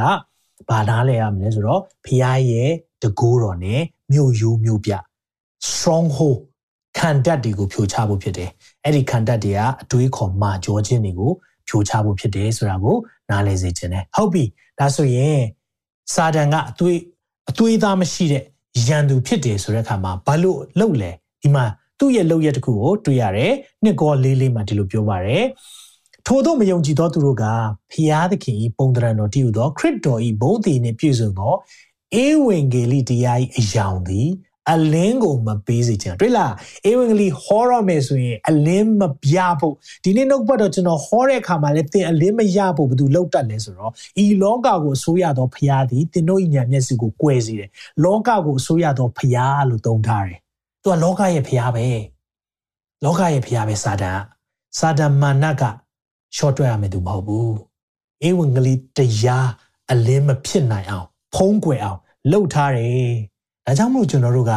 ဝိညာဉ်တိုက်ပွဲတွေဝိညာဉ်စစ်ပွဲတွေကအရေးကြီးတယ်။ဒါတွေငါတို့ဂိုင်းနဲ့မဆိုင်တခါမှမကြဘူး။ဒါတွေက Pentecostal တွေဆရာတွေလှုပ်တဲ့ဟာမဟုတ်ဘူးနော်မိတ်ဆွေ။ဒီနေ့နှုတ်ကပတ်တော်ထဲမှာအတိအလင်းပြောထားပြီးသား။ဒါကြောင့်မလို့ကျွန်တော်တို့တခါလေးမှာဘာကြောင့်မလို့ မိသားစုထဲမှာပျော်ရွှင်မှုတွေဆုံးရှုံးနေတာလဲ။ဘာကြောင့်မလို့မိသားစုထဲမှာဖခင်ရဲ့ကောင်းကြီးမင်္ဂလာတွေရတဲ့တဲ့ကောင်းကြီးမင်္ဂလာရခဲ့တဲ့အခါတွေဘာကြောင့်ဆုံးရှုံးတယ်လဲဒါကြောင့်ကျွန်တော်တို့တွေဒီရဲ့အဖြေတွေကိုလေ့လာတဲ့အခါမှာတယတမယိုးကြမဟုတ်တဲ့လောက်ရက်လေးတွေတွေ့နေရတတ်တယ် maybe နောက်တစ်ခါလေးဆိုရင်မဖျားနာတဲ့မချိန်လုံးဖျားတာတော့နော်ဒါတွေကိုနော်တချို့တွေကြုံရလိမ့်မယ်ရုပ်တရက်ကြီး စိတ်တက်ကြပြီးတော့တေခြင်းစိတ်ဖြစ်သွားတာတော့အဒီဒီနှုတ်ပတ်တော့ကျွန်တော်ဘာကြောင့်ဟောဖို့ဆုံးဖြတ်လဲဆိုတော့စာရေးလာကြတဲ့အထက်မှာဘာတွေ့ရလဲဆိုတော့ဆရာတဲ့ကျွန်တော်အခုဆရာနှုတ်ပတ်တော်နားထောင်တော့လွတ်မြောက်ခြင်းတဖြည်းဖြည်းရလာတယ်တဲ့ကျမ်းစာအရန်ဖတ်ခြင်းလားဆုတောင်းခြင်းလားဒါပေမဲ့ဘာဖြစ်မှမသိဘူးလေးလံပြီးတော့လူကသိခြင်းဆိုဖြစ်တယ်တဲ့ဝိညာဉ်တိုက်ပွဲဒါဝိညာဉ်ဇိုးတွေကနောက်ရှက်တာဟာဒါဆိုရင်ငါတို့ကျမ်းစာမဖတ်ရင်ပိုကောင်းမယ်ဆုမတောင်းရင်ဘူး no no no no เนาะဒါအကြောင်းပြီးကြရင်ပြောပြမယ်နောက်မျိုးသမီးတယောက်ကလည်းဇာဟေးလာတယ်ဖះနဲ့ပူသွားလေလေစုံစမ်းနောက်ဆက်ခြင်းပူခံရလေလေပဲတဲ့အဲ့လိုပြောလာတဲ့အခါမှာဒီနေ့ဖះနဲ့မသွားဖို့ရန်အတွက်အဲကျွန်တော်တို့တွေကလူညံနဲ့စဉ်းစားရဟာဖះထဲမှာအရန်သွားရင်စုံစမ်းခြင်းအရန်ခံရမယ်အဲ့လိုထင်တတ်တယ်မဟုတ်ဘူးတော့မိတ်ဆွေဒီနေ့အဲ့ဒီရဲ့အဆင့်တစ်ဆင့်တော့ကြော်သွားရမယ်ဘာအဆင့်လဲဆိုတော့ဒီစုံစမ်းခြင်းခံရတဲ့ကာလနဲ့ ကျွန်တော်တို့ရင့်ကျက်အောင်အဲ့ဒါ training ပေးတာဒီ training တွေကြော်လွှားပြီးရင်နောက်ပိုင်းကလုံးဝမှုစရာမလားတော့မလိုတော့နော်ဒါကြောင့် low level နော်တကယ်ကိုအစစ်နှိမ့်နဲ့ဝิญဉ်စိုးအစစ်နေရပဲလာသေးတာအခုချိန်မှာယုံကြည်သူပေါက်စလေးတွေပြောမယ်ဆိုရင်နှုတ်ကပတ်တော်စပြီးဒီချိန်မှာတိလာတဲ့လူတွေအခုကြမှာတိလာတဲ့လူတွေကိုဘာရလာတိုက်ခိုက်တယ်လဲဆိုတော့ဝิญဉ်စိုးကလာတိုက်ခိုက်တယ်ဒါပေမဲ့သူတို့ကလုံးဝအစစ်နှိမ့်လေးတွေပဲလာသေးတာဒါတောင်တင်မနိုင်သေးဘူးဆိုရင်အစစ်မြင့်တဲ့အရာတွေလာရော တခုတော့နားလည်တဲ့ဒီနေ့အရာရှိဖြစ်လာပြီနော်စစ်ဘူဖြစ်လာပြီပြီးရင်စစ်ဗိုလ်ချုပ်ဖြစ်လာရင်အကာအကွယ်လည်းပုံများလာတယ်ဟုတ်တယ်နော်လောကမှာဗိုလ်ချုပ်ဖြစ်ရင်အကာအကွယ်လည်းပုံများလာတယ်ဒါကြောင့်မလို့ကျွန်တော်ကြောက်ဖို့မဟုတ်ဘူးယုံကြည်ခြင်းထဲမှာအဆင့်တွေတဖြည်းဖြည်းတက်လန်းလာဖို့ကျွန်တော်တို့တွေဝိညာဉ်ရေးရမှာတဖြည်းဖြည်းဖြည်းအဆင့်တွေတက်လန်းလာဖို့ဖျားလို့တော့ရှိတယ်ဆက်ပြီးတော့ကြည့်ရအောင်စာဒန်ဟာတက်ညာတော်သူမဟုတ်ဘူးဆိုတာနံပါတ်3ချက်အနေနဲ့ပြောခြင်းတယ် နော်ဒီနေ့ကျွန်တော်တို့ကထင်တတ်တယ်အာငါတို့စာတန်နဲ့တော့မပတ်သက်ချင်ဘူးငါတို့သူအေးရအေးချောင်းပဲနေချင်တယ်ငါတို့ကငါတို့အေးဆေးလေးနေပြရစီမရဘူးသင်ဟာခရစ်တော်ရဲ့သားသမီးဖြစ်တယ်ယုံကြည်သူဖြစ်တယ်ဆိုရင်သင်ကိုလုံးဝမသက်ညာအောင်ဆိုတော့သိစေချင်တယ်ဘာကြောင့်သူသက်ညာမှာလဲသူ့ရဲ့အလုံးနဲ့သူ့ရဲ့တာဝန်တခုပြောပြချင်တယ်ယောဟန်10 10မှာပြောလဲဒါကိုကျွန်တော်အမြဲတမ်းမှတ်မိလွယ်အောင်ပြောလို့ရှိတယ် စာတန်ရဲ့ဒုတာဝင်ရေးသုံးပါရှိတယ်လို့စာတန်ရဲ့ဒုတာဝင်ရေးသုံးပါပါလေခိုးခြင်းတတ်ခြင်းဖြည့်ဆည်းခြင်းပြောကြည့်ရအောင်ခိုးခြင်းတတ်ခြင်းဖြည့်ဆည်းခြင်းစာတန်ကသူ့ရဲ့အလုတ်တခိုးလို့ပြောတဲ့အခါမှာ तू ကခိုးကြောင်ခိုးဝက်နဲ့အမြဲလှုပ်လို့လို့ရှိတယ်အမြဲတမ်းပေါ်တင်မလုပ်ဘူးတခါလေအမြဲတမ်းကျွန်တော်လိရင်လစ်တယ်လို့လှုပ်ချင်တဲ့ तू ဖြစ်တယ်ဆိုတာကိုသိစေချင်တယ်ဒါကြောင့်ခိုးခြင်းတတ်ခြင်းဖြည့်ဆည်းခြင်းကလာတယ်စာတန်သူ့အလုပ်ပဲနော်ဒါသူ့ရဲ့ဒုတာဝင်ရေးသုံးပါပဲဒါဆိုရင် သူဘာလုပ်ဖို့လိုလဲငါမူကားသခင်ရှုကပြောတာဖြစ်တယ်သိုးတို့သည်အသက်လွတ်ယုံများမကနော်အထူးသဖြင့်အသက်နဲ့ပြည့်စုံ abundant life ကြွယ်ဝသောအသက်တာဒီလိုကြွယ်ဝခြင်းအသက်တာလို့ပြောတဲ့အခါမှာဖျား၌ပွေလျော်ခြင်းဖျား၌ကြွယ်ဝခြင်းစစ်မှန်သောကောင်းကြီးမင်္ဂလာတွေရှိဖို့ကဖျားကပေးထားတယ်ဒါပေမဲ့အဲ့ဒါအရာကိုခိုးမယ်ဘာလို့ချင်လဲသူကလေတင်းရဲ့ဝိညာဉ်ထထဲမှာလွတ်မြောက်သွားမဲ့ကောင်းကြီးတွေခိုးကျင်တယ် တင်းဝိညာဉ်အသက်ကိုတတ်ချင်တယ်တင်းကိုယ်ကိုတတ်ချင်တာနော်ဒါဒါလူရဲ့အသက်ကိုတောင်တတ်ချင်တာဒါပေမဲ့သူ့မှာလေဖျားခွင့်မပြုရင်လုပ်လို့မရအောင်ဒါကြောင့်မလို့ကျွန်တော်တို့တွေကအကာအယံနေရှိတယ်ဆိုတာကိုသိစေချင်တယ်တင်းရဲ့အိမ်တောင်ရင်တင်းရဲ့အသင်းတော်တင်းရဲ့မိသားစုကိုသူဖျက်ဆီးချင်တယ်ဆိုတာကိုသိစေချင်တယ်ဒါကြောင့်သူတက်ညာတော့သူလုံးဝမဟုတ်ဘူးဒါကိုနားလဲစေချင်တယ်နော်ယုံကြည်သူများတက်ညာမှာမဟုတ်ဘူးနော်တင်ကားသာသူနဲ့မပတ်သက်ချင်တာအေးညနေကနဲ့ deal လုပ်ထားတယ်ဟုတ်လား ညနေကနဲ့သဘောတူညီချုပ်ငိမ့်ချိုင်းအဲ့လိုလုပ်လို့မရဘူးငိမ့်ချိုင်းစာချုပ်စာတမ်းနဲ့ချုပ်လို့မရဘူးဘာကြောင့်လဲ तू तू ကတင့်ကိုလုံးဝမနာလို့ဖြစ်တော်သူဖြစ်တယ်ဖျားသားသမီးဖြစ်ပြီးဟေးဆိုရင် तू ကသူ့ရဲ့သားသမီးဖြစ်လာဖို့ရန်အတွက်အမြဲတမ်းဆွဲခေါ်မဲ့သူဖြစ်တယ်ဒါကိုနားလည်ရအောင်နော်ဒါကြောင့်မလို့ကျွန်တော်တို့တွေကြောက်ဖို့လုံးဝမဟုတ်ဘူးဒီຢာတွေကျွန်တော်တို့တိလာတဲ့အခါမှာဘယ်လိုကာကွယ်ရမလဲဆိုတာကိုကျွန်တော်ဆက်လက်လေ့လာရအောင်ဒီမှာဘာပြောလဲ နော်ဒါကိုကြည့်တဲ့အခါမှာစာရန်ရဲ့လုံရက်လေးတွေတချို့တွေ့လာရပြီအဲ့ဒီမှာချောင်းမြောင်းတဲ့သူဆိုတာကိုကျွန်တော်သိရအောင်တမာတရိရှိလက်တစ်ပင်ငါးရှစ်မှာဒီလိုပြောပါတယ်တမာတရိရှိလက်မအိပ်ပဲစောင့်နေကြလားဆိုတော့မအိပ်ဘူးလို့ပြောတဲ့အခါမှာကျွန်တော်တို့ထင်တဲ့ကိုကာယအိပ်ဆက်ခြင်းကိုပြောတာမဟုတ်ဘူးအနားယူခြင်းလိုတယ်ဘာကိုပြောတာလဲဝိညာဉ်ကျွန်တော်အထဲက alert ဖြစ်ဖို့ဝိညာဉ်တမာတရိရှိဖို့ကျွန်တော်တို့အမြဲတမ်းငိုက်မိအိပ်ပျော်ခြင်းမရှိဖို့ ဒါကိုပြောတာမအိပ်ပဲလို့ပြောတဲ့အခါမှာကိုကာယမအိပ်တာကိုပြောတာမဟုတ်ဘူးကျွန်တော်တို့တနေ့မှာနော်အနည်းဆုံး၈နာရီအိပ်ဖို့လိုတယ်နော်၁၀နာရီအိပ်ဖို့လိုတယ်လို့ရှိတယ်ဒါတွေအိပ်တဲ့ခါကျမှကျွန်တော်တို့တွေရဲ့ကိုခန္ဓာလဲပတ်ခြင်းနော်အနာယူခြင်းနော်ရှဘတ်နော်အဆဘတ်နော်ဥဥပုတ်ဆောင်ခြင်းလို့ကျမ်းစာထဲမှာသုံးတဲ့အရာနော်ဖရားတော်မှာအလုပ်လုပ်ပြီးရင်နားတယ်ဒါအနားယူခြင်းအရေးကြီးတယ်နောက်ပိုင်းကျမှဒီဥပုပ် အကြောင်းကိုလည်းပြောပြခြင်းတယ်เนาะဆိုတော့ဒီမှာကြည့်တဲ့အခါမှာတမာတရိရှိပဲမအိပ်ပဲစောင့်ပါဝိညာဉ်ရေးရအောင်ပြောတာဖြစ်တယ်တင်တို့ရန်သူတိဟုသောမာနသည်သင်တို့ရဲ့ရန်သူနော်မမေ့နဲ့နော်မာနသည်ဘာဘယ်လိုမျိုးလုပ်လဲဟောက်တော့ချင်းသေးကဲ့သို့အဘဲသူကိုမျိုးရမည်နည်းလှဲ့လေရှာဖွေတာသူ့ရဲ့အလောက်ကလှဲ့လေရှာဖွေနေတာဘသူကိုမျိုးရမလဲ ဘသူကိုမျိုးရမလဲဒီနေ့မှာဘသူကိုသူနိုင်ယူရမလဲဒါကြောင့် तू ကမတက်ညာဘူးဆိုတာကိုသိစေချင်တယ်နော်ယုံကြည်သူများတစ်ခါလေကျွန်တော်တို့ကပေါ့ပေါ့နေပေါ့ပေါ့စားမရဘူးမရဘူးဒီနေ့အဲ့လိုသွားလို့မရဘူးယုံကြည်သူအသက်တာမှာဒီလိုသွားလို့မရဘူးကားတိုင်းထမ်းပါလို့ဘာလို့ပြောလဲကားတိုင်းထမ်းရင်ငါနောက်လိုက်ပါဆိုဘာလို့ပြောလဲကျွန်တော်တို့တွေကအမြဲတမ်းတက်တောင့်တက်တာနဲ့သွားခြင်းတယ်ကားတိုင်းထမ်းခြင်းကမတက်တောင့်ဘူးမတက်တာဘူးဒါလေးတွေကိုနားလည်စေချင်တယ်ဒါကြောင့်မလို့ ငါကားတိုင်းမထမ်းရင်ငါနဲ့မထိုက်တန်ဘူးတယ်နော်တကယ်ယေရှုပြောတဲ့စကားနော်ဒါကြောင့်ကျွန်တော်တို့တွေ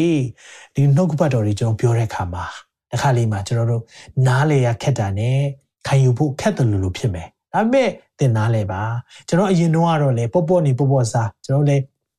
နေခဲ့တယ်အဲ့ဒီအချိန်တော့ကတော့လုံးဝကိုယ့်ရဲ့လှုပ်ရက်တွေတခါလေရတဲ့အလုပ်မရဘူး နောက်တစ်ခါလေကိုအခွင့်အရေးကောင်းတစ်ခုလွတ်လွတ်သွားတယ်နောက်တစ်ခါလေမဖျားနာတစ်မဲ့ဖျားနာလာတယ်တခါလေတော့မကြုံတဲ့တဲ့ကိစ္စတွေကြုံလာတယ်အာအမျိုးမျိုးပါဇက်ကနေစပြီးတော့ပြောတဲ့စကားတွေဘာကြောင့်လဲကျွန်တော်ဝိညာဉ်ထဲမှာမလွတ်မြောက်တာဒီနေ့စာတန်ကချောင်းမြောင်းတိုက်ခိုက်နေတော်သူဖြစ်တယ်။အဲကြောင့်မသက်တာမသက်ညာတော်သူဖြစ်တယ်ဆိုတာသိစေချင်တယ်။နော်ဟုတ်ပြီ။စာတန်နဲ့ပတ်သက်ပြီးတော့ အနေငယ်ပြောပြချင်တယ်။နော်ဆိုတော့စာတန်နဲ့ပတ်သက်ရင်ကျွန်တော်တို့ကဒါဆို तू ကဘာလုပ်လဲ။နော်ဖန်ဆင်းခံဖြစ်တယ်။ဖန်ဆင်းခံဆိုတော့ဖះစာတန်ဖန်ဆင်းတာလားမဟုတ်ဘူး။ကောင်းကင်တမန်ဖန်ဆင်းတာ။နော်ဖះရှိမှအမြဲတမ်းကိုးကွယ်သောကောင်းကင်တမန်တစ်ပါးလူစီဖာဆိုတဲ့ကောင်းကင်တမန်ရှိခဲ့တယ်ကောင်းကင်တမန်ထဲမှာကောင်းကင်တမန်မင်းเนาะဆိုတော့တကယ်အကြီးဆုံးနေထဲမှာအကြီးဆုံးဖြစ်တယ်ဆိုတော့ तू ကလှပတော်သူဖြစ်တယ် နော်ဒါကိုကျွန်တော်တို့နှုတ်ပတ်တော်ထဲမှာစာတန်နဲ့ပတ်သက်ပြီးသိချင်ရင်ရေစကြည်လ28နဲ့ဟေရှာယ14တင်မှာပေါ်ပြထားတယ်နော်ဆိုတော့သူ့ရဲ့နာမည်တွေနနက်သားမိုးတောက်ချေမှစာရေးသူဘယ်လိုလူလဲဆိုတာခဏလောက်လေ့လာရအောင်။ဘာကြောင့်လဲရန်သူကိုသိဖို့လိုတယ်ဟုတ်တယ်နော်ဘလုံးကန်မယ်ဆိုရင်တော့မှတစ်ဖက်အသင်းကနော်ဘလို့ကန်တတ်တယ်ဘလို့အကွက်ရှိတယ်သိမှပဲနော်နီးပြတွေကဟုတ်ပြီဒီလူဒီဘက်ကနေထိုးဖောက်မယ်နော်အလေတန်းဘလို့ဆော့မယ်ဒါဘောလုံးနဲ့ပတ်သက်ရင်တော့ကျွန်တော်တို့က နော်ကိုယ့်ရဲ့ပြိုင်ဘက်ကိုဘယ်လိုမျိုးရှင်ပြရမလဲလေ့လာတယ် tennis ဆိုလဲထိုနည်း၎င်းပဲအာ तू က serving ဘယ်လိုထိုးတတ်တယ်เนาะ तू ကဘယ်လိုမျိုးရိုက်တတ်တယ်အဲ့ဒါမျိုးလေးတွေသိတဲ့အခါမှာသူ့ရဲ့အထာကိုသိရင်ကျွန်တော်တို့ကအနိုင်ယူဖို့လွယ်တယ်ထိုနည်း၎င်းပဲတင်ရင်ဆိုင်နေရတဲ့ရန်သူစားတယ်ဘယ်သူလဲဆိုတာကိုလည်းခဏလောက်လေ့လာရအောင်ဒီလိုပြောလို့ကြောက်ဖို့လုံးဝမဟုတ်ဘူးเนาะကြောက်စရာအကြောင်းလုံးဝမရှိဘူးဒါကိုလည်းပြောပြချင်တယ်ဟိုကြည့်ရအောင် ဟေးရေစကြည်လ28အငယ်73ကပဲကျွန်တော်ဖတ်တော့မယ်အေဒင်အရက်ဘုရားသခင်ဥယျာဉ်တော်၌နေပြီအဲ့ဒါဒါကောင်းကင်တမန်ဖြစ်ခဲ့တဲ့လူစီဖာအကြောင်းကိုပုံဖော်ထားတာဖြစ်တယ်။တင်းကောင်းပေါ်မှာကြောက်နီဥဒ္ဒဖျားစိန်မျက်ရွယ်ကြောင်ငကသွဲနီလာမြပဒမြနော်ကိုးမျိုးရှိတယ်။ကြောက်မြက်မျိုးမျိုးတို့ကိုစောင်းလေ၏ သူ့ကိုအလှဆင်ထားတာဒီမှာကလေမြန်မာကျမ်းစာမှာစောင်းတယ်လို့ပြောတဲ့အခါမှာကျွန်တော်တို့ကအဲ့လိုကြောက်နဲ့တရဖူစောင်းတယ်လို့မျိုးမြင်တယ်အင်္ဂလိပ်ကျမ်းစာမှာ those are your covering ကာယံထားသောအရာများဖြစ်တယ်။ तू ကဘလောက်လှပလဲဆိုသူ့ရဲ့ခန္ဓာကိုယ်တချို့နေရာမှာစိတ်ချို့နေရာမှာမျက်ရွယ်ချို့နေရာမှာကြောင်ချို့နေရာမှာငကသွဲ့ချို့နေရာမှာနေလာသူ့ရဲ့ကိုယ်ခန္ဓာကြောက်တွေနဲ့အလှဆင်ထားပေးရအောင်လောက်အောင်ဖခင်ကသူ့ကိုချီးမြှောက်ခဲ့တာဖြစ်တယ်။ ပြန်ကြည့်အောင်ရွှေဖြင့်လှုပ်သောပတ်တာပတ်တာဆိုတာ percussion instrument bow เนาะဒါမှမဟုတ်ရင် drum ဒါတွေကိုရွှေနဲ့လှုပ်တဲ့အရာတွေတဲ့ပြီးတော့ပလွေ pipe ဆိုတာလေမှုတ်ဒူရီယာသူ့အထဲမှာတင်ဖွာသောနေ့၌တင်တွေ့ပြင်ဆင်တယ်သူ့အထဲမှာဖခင်ကထည့်ထားပေးတယ်ဘာကြောင့်လဲဖခင်ကိုချီးမွမ်းစေချင်တာ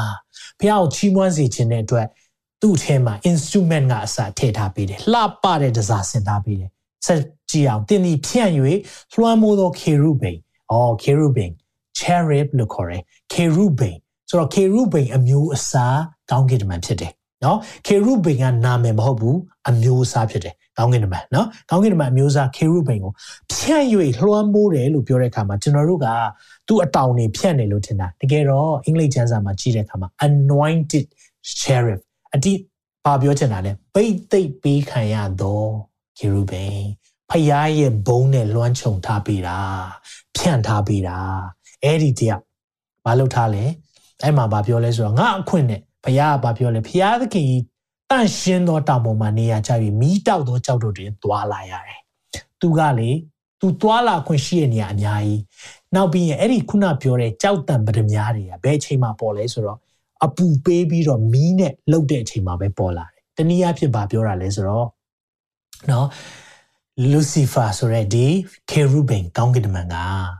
ဖယားဖယားရဲ့ယေရုရှလင်မြို့သစ်ကိုစောက်တဲ့နေရာမှာကူညီသောကောင်းကင်တမန်ဖြစ်နိုင်တယ်လို့ကျမ်းတပ်ပုဂ္ဂိုလ်တချို့ကယူဆတယ်ဖြစ်နိုင်ခြေရှိတယ်နော်။ဘာကြောင့်လဲဆိုတော့မိတောက်တဲ့ကြောက်တွေမှာစသွာလာခွင့်ရှိတယ်။ဖွာသောနေ့မှာဒီတစ်ခုပြောပြချင်တယ်အငယ်15ဖွာသောနေ့မှာစ၍သင်အပြစ်ထင်ရှားရနေ့တိုင်အောင် ပြုလေသမျှ၌စုံလင်တယ်။မိခွန်းတစ်ခုမေးမယ်။ အခုမွေးပြီးကလေးကဒီနေ့ဒီချိန်ထိအပြစ်တစ်ခေါက်လောက်ပဲလုပ်ဖူးရလို့ရှိလား။မရှိဘူး။ဖွာသောနေ့ကနေဒီနေ့နော်ချိန်ထိစုံလင်တဲ့သူရှိလားအမမို့အပြစ်ကိုတစ်ခေါက်လေးပဲလုပ်ဘူးတယ်မရှိဘူးကျွန်တော်ပြောပြမယ်ခေရုဘိန်လူစီဖာဆိုတဲ့ခေရုဘိန်ကဘလောက်အထိပြည့်စုံလဲဖွာသောနေ့ကနေအပြစ်ထင်ရှားရနေ့မှာ ပြုတ်လေသမျှမှာစုံလင်တာ ဘာမှတစ်ခါမှအပြစ်ပြောစရာမရှိခဲ့ဘူးဘူးဒါပေမဲ့ဘာလုပ်လိုက်လဲအဲ့ဒီမှာသူ့ရဲ့အပြစ်ကြောင့်ကို16မှာပြောတယ်ကုံသွယ်ခြင်းများပြားသောအဖြစ်အာရမအမှုတို့နဲ့ပြည့်စုံ၍ပြစ်မှားသောအပြစ်ရောက်ပြီအဲ့ဒီအပြစ်ကြောင့်ကိုဟေရှားဆလီထဲမှာကျွန်တော်နောက်ကျမ်းပိုက်ကြည့်အောင်ထို့ကြောင့်ဆိုးရုပ်တော်သူကဲ့သို့တင့်ကိုဘုရားသခင်ဤတောင်တော်ပေါ်ကငါနင်ထုတ်ပြီဘုရားနင်ထုတ်ပလိုက်တာအိုလွှမ်းမှုသောခေရုဘိန်မိတောက်သောကြောက်တို့အထက်ကတင့်ကိုငါပယ်ရှင်းပြီ နော်ဒီနေ့နေခွင့်မရှိတော့ဘူးသူ့ကိုဖယ်ရှင်းလိုက်တယ်။ဘာကြောင့်လဲအဖြေကဒီမှာရေးထားတယ်ဟေရှာယ14ထဲမှာပါတယ်။ပါလဲဆိုတော့အိုးနနဲ့သားမိုးတောက်ခြင်းသူ့ကိုတင်စားတဲ့နာမည်ဖြစ်တယ်။နော်ဆိုတော့ morning star သူ့ကိုသုံးထားတယ်။နော်နနဲ့သားမိုးတောက်ခြင်းတင်ဒီကောင်းကင်ကကြလေပြီတကားကောင်းကင်ကနေကြပြီအပီပီတို့ကိုနှိပ်စက်တော့တင်ဒီမြေတိုင်အောင်ခုတ်လဲခြင်းကိုခံရပြီတကားဘာကြောင့်ကြလဲပြုတ်လေသမျှမှာစုံလင်တဲ့တယောက် ဘာကြောင့်ဘာဖြစ်သွားလဲအဲ့ဒီမှာပြောထားတယ်ငယ်73မှာသင်ကလည်းကောင်းကင်ဘော်သို့ငါတက်မီဘုရားသခင်ကြီးကျေတို့ပေါ်မှာငါပလင်ကိုငါချီးမြှောက်မီအမှငါရီပဲနော်ငါရီပဲပါလဲမာနအဲ့ဒါမာနကိုပြတဲ့စကားပဲ the most selfish word is i one word one word တလုံးပဲ letter one letter word that the most selfish ဆိုတော့ပုံနော်စလုံးပေါင်းတစ်ခုတည်းပဲစကလုံးတစ်ခုတည်းနဲ့ မာနအကြီးဆုံးစကားလုံးကပါလဲဆို I I did it I I am better I အဲ့တော့အဲ့ဒီ i တွေများလာတဲ့အခါမှာအခုကျွန်တော်ဆို i ဘယ်လောက်များ iPhone iPad ဟာလား iMac နော်အဲ့လူတွေကကြိုက်တယ်ဘာကြောင့်လဲ i ဆိုတဲ့စကားလုံးကိုဒါကြိုက်တယ် we ဆိုတာတိတ်မကြိုက်ဘူးဒီမှာဘာတွေ့ရလဲနှုတ်ပတ်တော်မှာကြည့်တဲ့အခါမှာသူဘာလုပ်လဲကောင်းကင်ဘော်ကိုငါတက်မယ်ဖရားရဲ့ရှိတဲ့အရာထက်ကိုသူ သွားကျင်တာကိုပြတယ်ဖရားသခင်ရဲ့ကျဲအဲ့ဒါကိုဘာပြောလဲဆိုတော့ကောင်းကင်တမန်တွေကိုပုံဆောင်တယ်ဖရားသခင်ရဲ့ကျဲဆိုတာဖះကောင်းကင်တမန်ကြီးအပေါ်မှာငါပလင်ငါချီးမြှောက်မယ်အဲ့ဒီကောင်းကင်တမန်ထက်မှာပဲငါနေမယ်အမှန်သူ့ကိုယာထုပေးပြီးသားဖះကိုချီးမွမ်းဖို့ရန်အတွက်တူရိယာပစ္စည်းတွေပေးပြီးသားတခြားတနေရာမှာဆိုဘာပြောလဲဆိုတော့သူ့ထဲမှာဂျိုးတက်တူရိယာစောင်းနေထည့်ထားပေးတယ် herbs စောင်းထက်တာပေးတယ်ဆိုတော့သူ့မှာလေလေမုတ်တူရိယာဂျိုးတက်တူရိယာနဲ့ အဲရိုက်ပုတ်တဲ့တူရိယာပေါ့နော်အဲ့ဒါအားလုံးရှိထားတယ်တနည်းအားဖြင့်သူတယောက်တည်းနဲ့ဒီဝိုင်းတစ်ခုလုံးဖြစ်နေတာစဉ်းစားကြည့်အောင်သူဘလောက်လှပလဲလှပတယ်အစင်းလှလွန်းလို့ကြောက်တွေနဲ့သူ့ကိုစားချေထားတယ်ဖះရဲ့ဘုံနဲ့လည်းလွှမ်းခြုံထားပေးတယ်သူချီးမွမ်းလိုက်မယ်ဆိုရင်ကြံတဲ့ကောင်းကင်တမန်တွေကလိုက်ပြီးတော့သူ့နောက်မှာအားကျနေစရာကြီးနော်အဲ့လိုမျိုးချီးမြှောက်ခဲ့တဲ့ကောင်းကင်တမန်ဘာဖြစ်သွားလဲငါ အဲ့ဒီငါဝင်သွားပြီဆိုရင်ကြပြီရေးလိုက်ပါအောင် comment မှာငါဝင်သွားပြီဆိုရင်ကြပြီလို့နော်ဒါကြောင့်ဆရာတွေဘုရားအသုံးပြုတယ်နောက်ကျသွားတယ်ဗာလဲငါအဲကြောင့်ကျွန်တော်ကအမြဲတမ်းသတိပေးကြပါအဲ့ငါဝင်သွားရင်လေကြောက်ဖို့ကောင်းတယ်ဘုရားအဲ့ငါဝင်သွားပြီဟေ့ဆိုရင်တော့ကုလို့မရတော့ pride ဒါကြောင့်မလို့အာဒန်နဲ့အေဝအာဒန်နဲ့အေဝအပြစ်မလုပ်ခင်မှာစัจ java ထဲမှာအပြစ်တစ်ခုရှိခဲ့တယ် အဲ့အပြစ်ကပါလဲမာနဖះယွံမုံဆုံးကမာနဖះအဲ့ဒီပြစ်မှားတဲ့မာနကိုလုံးဝခွင့်မလွတ်ဘူးမာနငါငါငါတက်မယ်ဖျားကြေတွေပေါ်မှာငါထိုင်မယ်ငါစကြည့်အောင်မြောက်မျက်နှာဖက်အဲ့ဒီမြောက်ဖက်ရဲလို့ပြောရင်အမြဲတမ်းအပေါ်ကိုညှိညွှန်းတယ်နော်ဆိုတော့အဲ့ဒါမြေပုံမှာအပေါ်ဖက်ရဲကိုမြောက်နော်ဆိုတော့မြောက်ဖက်ရဲလို့အမြဲတမ်းပြောလို့ရှိတယ်ဗျာဒိတ်တော်တောင်ပေါ်မှာငါထိုင်မယ် ရှင်းရှင်းပြောရင်ကောင်းကင်အထက်ကိုတောင်သူတက်ချင်တာမိုးတိမ်ပေါ်တော့ငါတက်မယ်သူကသူတက်ဖို့ကြီးပဲမိုးတိမ် heaven နော်ကောင်းကင်ဒီရတဲ့အပေါ်မှာသူတက်မယ်အမြင့်ဆုံးသောဖခင်ကဲ့သို့ငါနေမယ်အမြင့်ဆုံးသောဖခင်လိုပဲသူနေမယ်လို့အဲ့မှာတခုလေးစကားပြောချင်တယ်ဘာရှိလဲစိတ်အကြံရှိတယ်စိတ်နဲ့ပဲကြံလိုက်တာပါဇက်နဲ့ထုတ်ပြောလားမပြောဘူးဒါပေမဲ့ကောင်းကင်မှာလေသင်စိတ်နဲ့ပြောတဲ့အရာအားလုံးအကုန်ကြားနေတယ် ဖခင်အကုန်သိနေတယ်ကောင်းကင်တစ်ခုလုံးမှာနော်ကောင်းကင်ရောက်ဖူးတဲ့သူတွေပြန်ပြောပြတဲ့အရာတွေတက်တည်ခံချက်တွေကြားတဲ့အခါမှာဗဇက်နဲ့တောင်ပြောစရာမလိုအားလုံးနှလုံးသားထဲမှာရှိတဲ့အရာထွက်လာတယ်ငါငါအဲဆိုရင်ဖះစာတန်ကိုဖန်ဆင်းလာဖန်ဆင်းတာမဟုတ်ဘူးရွေးချယ်တာဒါကိုနားလည်စေချင်တယ်နော်အမြဲတမ်းဖះကသူ့ရဲ့ချစ်တဲ့သူတွေအားလုံးကိုရွေးချယ်ခွင့်ပေးတယ်လူသားကိုရွေးချယ်ခွင့်ပေးလာပေးတယ်မိခုမကြာခဏမေးခံရတယ် ဖះကအာဒန်နဲ့အေဝါကအဲ့အသီးအပင်စားမယ်ဆိုရင်ဆရာရဲ့အဲ့အပင်ကိုမထားနဲ့ပေါ့ဖះအဲ့ဒါဆိုရင်စားဖြစ်မှာမဟုတ်ဘူးဒါဆိုရင်ဒီအသီးရဲ့ဒီအပင်ရဲ့အသီးကိုစားမယ်ဆိုတာဘုရားသိလားသိတယ်ဒါဆိုဘာလို့ထားလဲရွေးချယ်ခွင့်ပေးတာလွတ်လပ်စွာရွေးချယ်ခွင့်ပေးတာဒါပေမဲ့ warning အရင်ပေးတယ်မစားနဲ့နော်စားတဲ့နေ့မှာအေကံမှန်သေးရမယ်ဒါပေမဲ့ချစ်တဲ့လူကိုအမြဲရွေးချယ်ခွင့်ပေးတယ်ဟုတ်တယ်နော် ကောင်မလေးတယောက်ကြိုက်တာနဲ့သွားလက်ဆွဲပြီးတော့ငါနင့်ကိုချစ်တယ်လိုက်ခဲ့ပြောရင်ဘိုက်ရက်ခံမှာပေါ့ဟုတ်တယ်နော်ဘာကြောင့်လဲသူ့ကိုချစ်ရေးဆိုရမယ်သူ့မှာရွေးချယ်ခွင့်ဖြေပေးတာဟုတ်လားမြန်မာထုံးစံဆိုရင်ဖြေပေးတော့နော်ဘလောက်ကြာရင်စသဖြင့်ဘာကြောင့်လဲရွေးချယ်ခွင့်အဲကြောင့်မလို့ကျမ်းစာပါပြောလဲကဘာမတီမရှိမီကလေးကအသေးခံသောသူတငယ်တဲ့ကဘာတော်မရှိသေးဘူးအသေးခံသောသူတငယ်ဘာလို့ရှိလဲအစီအစဉ်ရှိပြီးသားအဲဆိုရင်အပင်ရဲ့အသီးကိုစားမလားစားမှသိတယ် ဘာကြောင့်ထားလဲရွေးချယ်ခွင့်ပေးတာ free will လွတ်လပ်စွာနဲ့ရွေးချယ်ခွင့်ဒါချစ်ချင်းမေတ္တာရဲ့သင်္ကေတတစ်ခုဖြစ်တယ်။တင်တင့်ကိုဖခင်ကဖန်ဆင်းထားတာတန်ပတ်နဲ့ပေးပြီးတော့စိတ်ယုံမဟုတ်ဘူးခံစားချက်ရှိပြီးတော့သူ့ကိုတကယ်နှစ်သက်ပြီးရွေးချယ်တာမျိုးလိုချင်တာအဲကြောင့်မလို့ဘုရားကကျွန်တော်တို့ကိုကားတိုင်းလမ်းနဲ့လောကလမ်းရွေးခိုင်းထားတယ်ကျင်းတော်လမ်းနဲ့ခြေတော်လမ်းရွေးခိုင်းထားတယ်သင်ပါရွေးမလဲဆိုတာဘုရားစောင့်ကြည့်နေတယ် ဒါပေမဲ့သင်ရဲ့ရွေးချယ်မှုရဲ့အကျိုးဆက်ကိုတော့သင်ခံစားရလိမ့်မယ်သင်ကားတိုင်းလမ်းကိုရွေးရင်တော့အကျိုးဆက်ကပါလဲလွတ်မြောက်တဲ့နေရာနဲ့ထာဝရတရမယ်လောကီလမ်းကျဲသောလမ်းကိုရွေးတယ်ဆိုရင်တော့ဒီနေ့မှာငရဲမိရင်သွားရမယ်ဖခင်ကလူတွေကိုငရဲမပို့ပါဘူးလူတွေရွေးချယ်ခွင့်ဒီချိန်ထိပေးထားပြီးသားဖြစ်တယ်ဒါကိုနားလဲစေချင်တယ်နော်အဲ့မှာကြည့်လိုက်ခါမှာစိတ်အကြံရှိတယ်သူစိတ်လေးနဲ့ကြံတဲ့အရာဘာဖြစ်သွားလဲ ကြာစင်မှုဖြစ်သွားတယ်သို့တော်လည်းတင်ဒီမဒါနိုင်နိုင်ငံတင်းကြိုင်တွင်တဲ့သူနှိမ်ချခြင်းကိုခံရလေပြီဒါကြောင့်ကျွန်တော်တို့နားလဲဖို့ကပါလေစာတန်ကကောင်းကင်တမန်ဖြစ်ခဲ့ဘူးတယ်သို့တော့သူဟာဘာကြောင့်ကြာစင်သွားတယ်လဲဆိုတော့မာနကြောင့်ကြာစင်တယ်ဒါကျွန်တော်တို့အတွက်သင်ခန်းစာပဲစัจ java တစ်ခုလုံးမှာဖြစ်ဖြစ်သွားတဲ့အဖြစ်ဖြစ်ထဲမှာကြီးမားဆုံးဖြစ်ဖြစ်တစ်ခုကလည်းဒါပဲမာန ဖះကမာနကြီးတာလုံးဝမကြိုက်ပါဒါကိုကျွန်တော်တို့သိလေလေဖះကိုပို့ပြီးတော့ချစ်ပြီးတော့မျက်နှိုးပြီးတော့ကြောက်ပြီးတော့ကိုးကွယ်ဖို့လိုတယ်ဆိုတာကိုသိစေချင်တယ်အာမင်အဲကြောင့်မလို့စာတန်ကိုစာတန်ဟာဖန်ဆင်းခံဖြစ်တယ်တပုံဖြစ်တယ်ဖះဖြစ်ချင်တော်သူဖြစ်တယ်ဆိုတာကိုသိဖို့လိုတယ်အဲကြောင့်မလို့ဖះနဲ့စန့်ကျင်တဲ့အရာအားလုံးသူလုပ်တယ်ဖះကိုစန့်ကျင်မဲ့သူကိုသူမွေးတယ်ဖះကို အပြစ်တင်မဲ့သူဖះကိုစန့်ကျင်မဲ့သူအားလုံးကိုသူကအမြဲတမ်းမြောက်စားလေးရှိတယ်ဆိုတာကိုသိစေချင်တယ်ဒါကြောင့်မလို့လောကအရာမှာ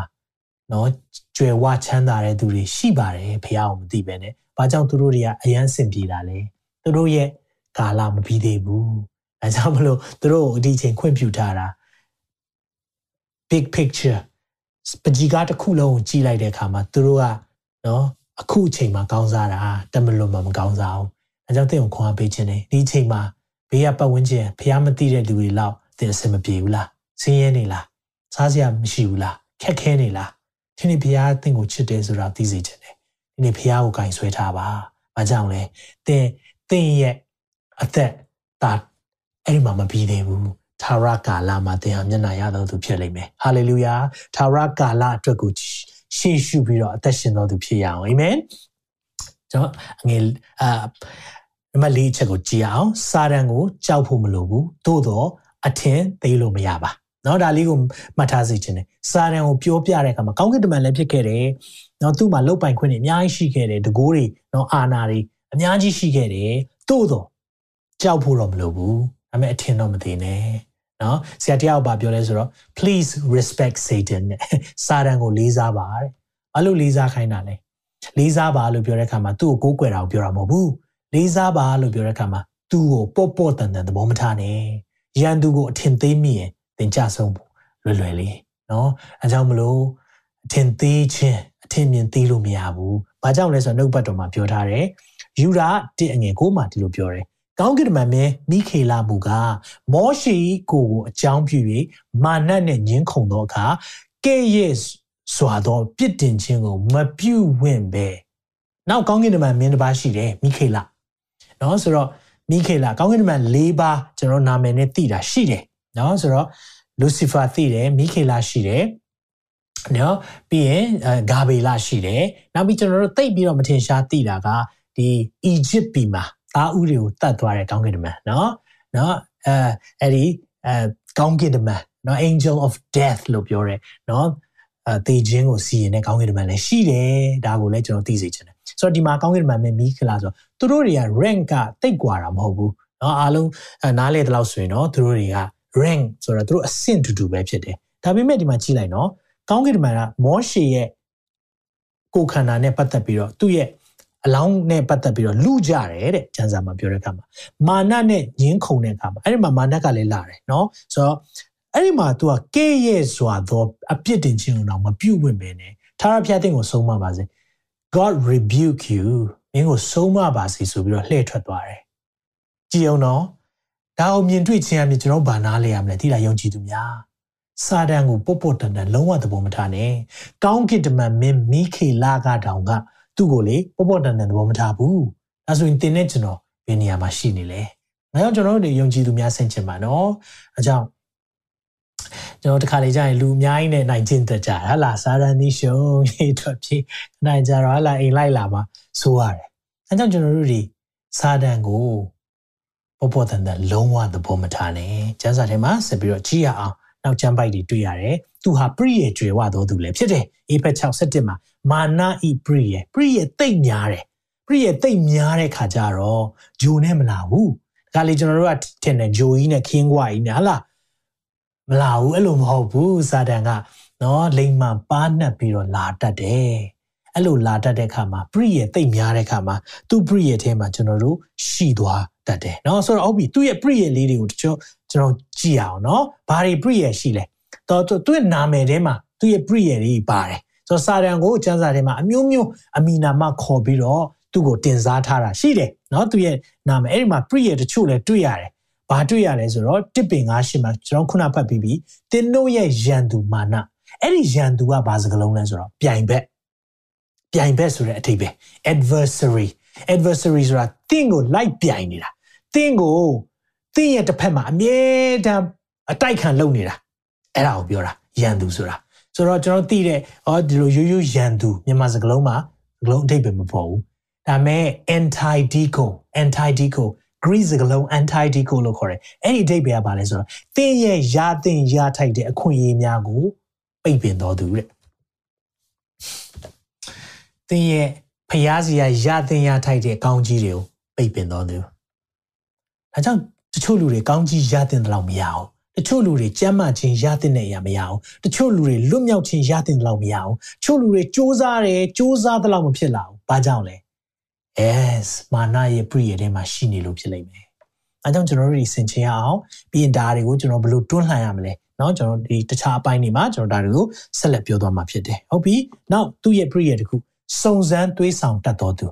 နော်တတလောနဲ့ဩရစာပထမဆုံးငယ်ခန်းကြီး3ငယ်9မှာစုံစမ်းတွေးဆောင်တတ်တော်သူအဖြစ်သူကိုအသုံးပြုထားတယ်အဲ့လိုသုံးတဲ့အခါမှာစုံစမ်းတွေးဆောင်ခြင်းတွေအမြဲတမ်းလှုပ်တတ်တဲ့သူဖြစ်တယ်ဆိုတာကိုနားလည်ရအောင်နောက်နောက်တစ်ခုကဘာလဲဆိုတော့ယောဟန်အခန်းကြီးရှင်းငယ်44မှာဗာပြောလဲဆိုတော့မုသာရဲ့အဖာနော်လိန်လေချင်းမုသာရဲ့အဖလည်းဖြစ်တယ်ဆိုတာကိုသိဖို့လိုတယ်။နော်သူကစာတန်ကအမြဲတမ်းလိန်တယ်။အမြဲတမ်းလိန်တယ်။ဘာလိန်လဲ။ မင်းကိုဖျားမချစ်ဘူး။မင်းအမှားတလောက်များတာကွာဘယ်သူမှခွင့်လွှတ်မှာမဟုတ်ဘူး။ကြားဘူးလားဤစကား။ကြားလိုက်မယ်နော်ကိုကောင်းထဲမှာ။အော်ဖြစ်မှာရောအသုံးမှမကြတာ။တခါလေဘယ်သူမှမပြောဘူးနော်။ကိုကောင်းထဲမှာပေါ်ပေါ်လာတယ်။ဘယ်သူပြောတာလဲသိလား။စာတန်ပြောတာ။အတွေးခေါ်ထဲမှာအမြဲထည့်ပေးတယ်။ဒါကြောင့်မလို့တစ္ဆာတည်သောခပန်ဖြောက်မှတ်ခြင်းရေုံတစားဧဝံဂေလိခြေစွပ်ကယ်တင်ခြင်းတန်ခမောက်လုံး helmet စိုက်ကယ်စီးရင် helmet ဆောင်းရတယ်စိုက်ကယ်စီးရင်ခေါင်းဆောင်းရတယ်မဆောင်းရင်လဲကျရင်ခေါင်းထိတယ်ခေါင်းကိုအမြဲတိုက်ခိုက်တယ်စာတန်ရဲ့ battleground ဆရာမကြီး Joyce Meyer ကပြောလဲဆိုတော့စာတန်ရဲ့စစ်မျက်နှာပြင်ဘယ်မှာလဲဆိုတော့တင့်ရဲ့ခေါင်းမှာဒီမှာတိုက်တယ် you're not good enough ခလုံးနှိပ်တယ်လို့ပဲအမြဲတမ်းကျွန်တော်ကိုတိုက်တဲ့အရာအဲ့ဒါ you not good enough အမြဲတမ်းကျွန်တော်ကိုလေမင်းမင်းလုပ်တဲ့အရာဘာမှမဟုတ်ပါဘူးကွာ အမြဲတမ်းလာတယ်အမင်းလုပ်နေတဲ့အရာတွေဘာမှမထူးပါဘူးကွာအဲ့လိုလာတာမင်းဟောပြောနေတဲ့အရာတွေဘာမှမထိရောက်ပါဘူးကွာလာတာဘာလဲအဲ့ဒါစားတယ်အဲ့လိုလာပြီဆိုရင်ငါဟာဖခင်ရဲ့ကယ်တင်ထားတဲ့သူဖြစ်တယ်ငါဟာကယ်တင်ခြင်းရရှိတော်သူဖြစ်တယ် ငါဟာအောင်မြင်တော်သူတဲ့အောင်မြင်တယ်မင်းသားတို့နဲ့ထိုင်ရတဲ့အခွင့်ပေးတယ်ဟာလေလုယာဒီနေ့ဖခင်ကကျွန်တော်တို့ကိုလေနှုတ်ကပတ်တော်ထဲမှာလည်းဂတိပေါင်းမြောက်များစွာပေးထားတာဒီနေ့ကျွန်တော်တို့ကဩစာတန်ပြန်ပြောဖို့လိုတယ်အဲကြောင့်တိုင်းနိုင်ငံတွေကိုပြပြီးတော့ငါ့ကိုကိုးကွယ်ပါအကိုးကွယ်ခံခြင်းတော်သူအဲကြောင့်သူအမြဲလိန်တယ်စာဖះနဲ့ဆန့်ကျင်တဲ့အရာဖះမှာခမဲတော်သားတော်တန်ရှင်တော်ဝိညာဉ်တော်ရှိတယ်လို့ပဲစာတန်ကလည်း Satan Trinity စာတန်စာတန်ရဲ့ နော်ဒီသုံးပါးတစ်လုံးတစ်ဝါကိုအဲ့ဒီပုံစံမျိုးလိုက်လုပ်တယ်စာတန်ရှိတယ်လို့ false prophet နော်မှားယွန်းသော prophet ကိုသူလောကထဲမှာပို့မယ်ဘာကိုပုံဆောင်လဲတန်ရှင်တော်ဝိညာဉ်တော်ပုံဆောင်တယ်လို့ antichrist နော်တားရဲ့နှစ်ကောင်လုံးကသူ့ကိုကိုစားပြုနေတာဖျားလှုပ်တယ်လို့လိုက်လှုပ်လို့ရှိတယ်အဲကြောင့်မလို့စာတန်ကလေသူ့မှာ original idea မရှိဘူး creator မဟုတ်ဘူး he's not creative စာတန်ကလေသူ့မှာဖန်တီးနိုင်စွမ်းမရှိဘူး သူဘာလုပ်တယ်လဲပဲလိုက်ခိုးခိုးပြီးလုပ်လို့ရှိတယ်ဖះဘာလုပ်လဲအိတ်တိုင်းလိုက်လုပ်မယ်ဖះဘယ်လိုပုံစံသွားလဲအိတ်တိုင်းလိုက်လုပ်မယ်ပြောင်းပြန်လိုက်လုပ်လို့ရှိတယ်အဲကြောင့်မလို့တော့ကျွန်တော်တို့ကနားလည်ဖို့လိုတယ်စာတန်ရဲ့ pre year တွေကိုတိထားမှသူ့ကိုဘလို့သူ့ရဲ့အကွက်တွေနော်သူ့အကွက်ဒီအကွက်လာပြီဆိုသိပြီဒါဒီကွက်လာရင်ဒီဖြည့်စေးရှိတယ်ဟုတ်တယ်နော်ဒါကြောင့်မလို့ကျွန်တော်တို့တွေဒီနှုတ်ပတ်တော်မျိုးကိုကောင်းကောင်းလေ့လာဖို့လိုတယ်ဆိုတာကိုပြောပြချင်တယ်ဟုတ်ပြီကျွန်တော်တို့တွေဆက်ပြီးတော့ကြည့်အောင်နောက်ပြီးရင် ဗျာဒိတ်စနစ်တစ်ဆင်မှာဗာပြောလဲဆိုတော့နေညမပြတ်အပြစ်တင်တဲ့ရန်သူတဲ့ accuser day and night accuse လုပ်တယ်ဆိုတာဆွဆွဲတော်သူတင့်ကိုစာတန်ဆွဆွဲနေတယ်အမြဲတမ်းဆွဆွဲနေတာတင့်တစ်ဖက်မှာခုနပြောပြီးပြီတင့်ရဲ့ရပိုင်ခွင့်တွေကိုဖျက်တဲ့သူတင့်ရဲ့ right တွေကိုဖျက်တဲ့သူဆိုတော့တင့်တစ်ဖက်မှာအမြဲတမ်းဆွဆွဲနေတာမပေးနဲ့ကောင်းကြီးမပေးနဲ့သူဟိုနေ့ကဒီလိုလုပ်ထားတယ်ဟိုနေ့ကသူဒီလိုလုပ်တယ်မပေးနဲ့ဖျားရှိမှနေညမပြတ်အပြစ်တင်နေတဲ့ခါမှာတင်းကဘာပြောရမလဲသိလားစာတန် ဒီနေ့လဝါးကားတိုင်းမှာငါရဲ့အဖြစ်ကြွေးအားလုံးယေရှုကပေးပြီးသားဖြစ်တယ်။ငါရဲ့ပြောဆိုတဲ့အရာအားလုံးကိုလည်းငါဖျားရှိမှအားလုံးတောင်းပန်တယ်။ဒါကြောင့်မလို့ get behind me မင်းကိုစီးတားတယ်။အာမင်။အဲကြောင့်မလို့ तू ကတစ်ဖက်မှာဆွဆွဲနေတယ်ဆိုရင်အော်ဆွဆွဲလိုက်မယ်။နော်။အဲဒီမှာအာ तू ဖျားကိုချိန်ဆနေတဲ့သူဆိုဖျားကိုဘေးတင်းတင်းတစ်ဖက်မှာဆွဆွဆွဲနေဆိုမမေ့နဲ့။အမြဲတမ်းအပြစ်တင်ရင်တင်ဘာလုပ်လို့ရလဲသိလား။တစ်ဖက်ကနေလေ အပြစ်တင်ခြင်းရဲ့စန့်ကျင်ဘက်ပါလေဒါချီးမွမ်းခြင်းအဲကြောင့်ချီးမွမ်းခြင်းဖျားကိုချီးမွမ်းခြင်းဟာလေစာတန်ရဲ့အပြစ်တင်ခြင်းအားလုံးကိုရိုက်ထိုးတာနဲ့အတူတူပဲအဲကြောင့်ဖျားကိုချီးမွမ်းဖို့လိုတာဖျားရှင်ကောင်းမြတ်ပါတယ်လို့ပြောလိုက်တဲ့အချိန်မှာစာတန်ကဖျားမင်းပေါ်မကောင်းဘူးမဟုတ်ဘူးဖျားရှင်အချိန်တိုင်းမှာကောင်းမြတ်တယ်ဟာလေလုယာအဲ့မင်းဒီအခုကြုံနေတဲ့ပြဿနာနဲ့မင်းကတော့ဘဝဆုံးရှုံးပါပဲ သင်ကပြန်ပြောလိုက်တယ် no စစ်မှုသည်သခင်တာဖြစ်တယ်ငါရဲ့တာမဟုတ်ဘူးစစ်မှုသည်သခင်တာဖြစ်တယ် hallelujah ဒါတွေကျွန်တော်တို့တွေကချီးမွမ်းခြင်းဟာသိရေးကြီးတယ်ဆိုတာကိုသိစေချင်တာအဲတော့ကျွန်တော်နှုတ်ပစရှာဘာထွက်နေလဲဆိုင်းရင်ပေါက်တစ်ပေါက်ထဲကချိုသောရေခါသောရေထွက်လို့မရဘူးအဲကြောင့် complain တွေထွက်နေလား complain ထွက်ရင်တော့နှစ်ပေါင်း40တောထဲမှာလဲအောင်မယ်နော်သင်ဘဝမှာကြာသွားလိမ့်မယ်မကြာသင့်တဲ့အရာကြာသွားလိမ့်မယ် complain တဲ့ဒီနေ့ praise ချီးမွမ်းခြင်းတွေထွက်ဖို့လိုတယ်ဟာလေလုယာအဲကြောင့်မလို့စာတန်ကတစ်ဖက်မှာဆွဆွဲရင်ချီးမွမ်းပလိုက်ပါသင်စိတ်သက်ကြတယ်လို့ဖြစ်နေချီးမွမ်းပလိုက်ပါဘာကြောင့်လဲဘုရားရှင်ကောင်းမြတ်တယ်ဆိုတာအဲ့ဒီနည်းနဲ့နိုင်တယ်အာမင်ဆက်ပြီးတော့ကျွန်တော်ကြည့်ရအောင်နံပါတ်5ချက်သွားရအောင်နော်အဲ့ဒီမှာဗာလဲဆိုတော့ခရစ်တော်ကိုယုံကြည်သောသူများသည် အောင်မြင်ဖို့တိုက်ခြင်းမဟုတ် အောင်မြင်ခြင်းမှတိုက်ခြင်းဖြစ်တယ်အဲအဲ့ဒီခုလေးကိုသေချာရှင်းပြမယ်နော်စာတန်ကျွန်တော်ဝိညာဉ်စစ်ပွဲတွေတိုက်တယ်ဆိုတာအောင်မြင်ဖို့တိုက်တာထက်အောင်မြင်တဲ့နေရာကနေတိုက်နေတယ်ဆိုတာသိစေချင်တယ်ယုံကြည်သူများအမြင်ပြောင်းပါ we do not fight for victory ဆိုတာကျွန်တော်တခုခုဟိုအောင်မြင်ဖို့ရန် for မဟုတ်ဘဲနဲ့ we fight from victory အောင်မြင်ခြင်းရပြီးသားနေရာနေတိုက်ဖို့လိုတယ်ဟာဒါကြီးကဘာအဓိပ္ပာယ်ကြီးလဲဟာဒီလိုပေါ့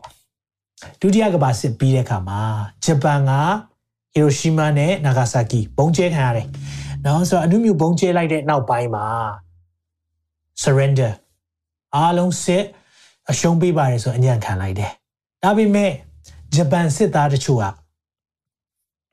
အညံ့မခံဘဲနဲ့သူတို့မကြားလိုက်ဘူးဂျပန်စစ်ရှုံးသွားတယ်ဆိုသူတို့မသိဘူးတဲ့။မသိဘဲနဲ့တောထဲမှာဘာလုပ်နေလဲဆိုတော့သူတို့ကစစ်တိုက်ဖို့အကြီးအကျယ်ပြင်ဆင်ပြီးတော့တွေ့တဲ့ လူတွေကိုနော်အဲ့ဒီမှာမဟာမိတ်တပ်တွေဖြစ်ဖြစ်သူတို့အထင်တော့ဒါရန်သူဆိုသူတို့ကတိုက်ဖို့အကြီးကျယ်လှုပ်တော့နှစ်ပေါင်းများစွာလှုပ်ပြီးတော့နောက်ဆုံးကြမှာသူ့ကိုပြောပြရတယ်မဟုတ်ဘူးငါတို့စစ်ရှုံးသွားပြီးပြီအားလုံးကြည်အေးသွားပြီးပြီစာတန်လည်းအဲ့လိုပဲသင်မတိုက်ရင်လည်းသူကတိုက်အောင်ပါဘာလို့လဲသူ့အချိန်မကုန်သေးဘူးယာရိစနစ်ထဲမှာဗာပြောလဲစာတန်ဟာတဲ့မိမိအချိန်ကုန်လူနီးပြီဖြစ်တဲ့အတွက် တင်တို့ရှိရတော့အရှိန်ဟုန်ပြင်းစွာလာတယ်သူ့ရဲ့တိုက်ခိုက်ချက်ပုံပြင်းလာလိမ့်မယ်။ဘာကြောင့်လဲသူ့အချိန်ကုန်တော့မယ်။သူ့ကိုဖျားစီရင်မဲ့အချိန်သိနေပြီ။ဗေရန်ကြီးကာလပြီးတာနဲ့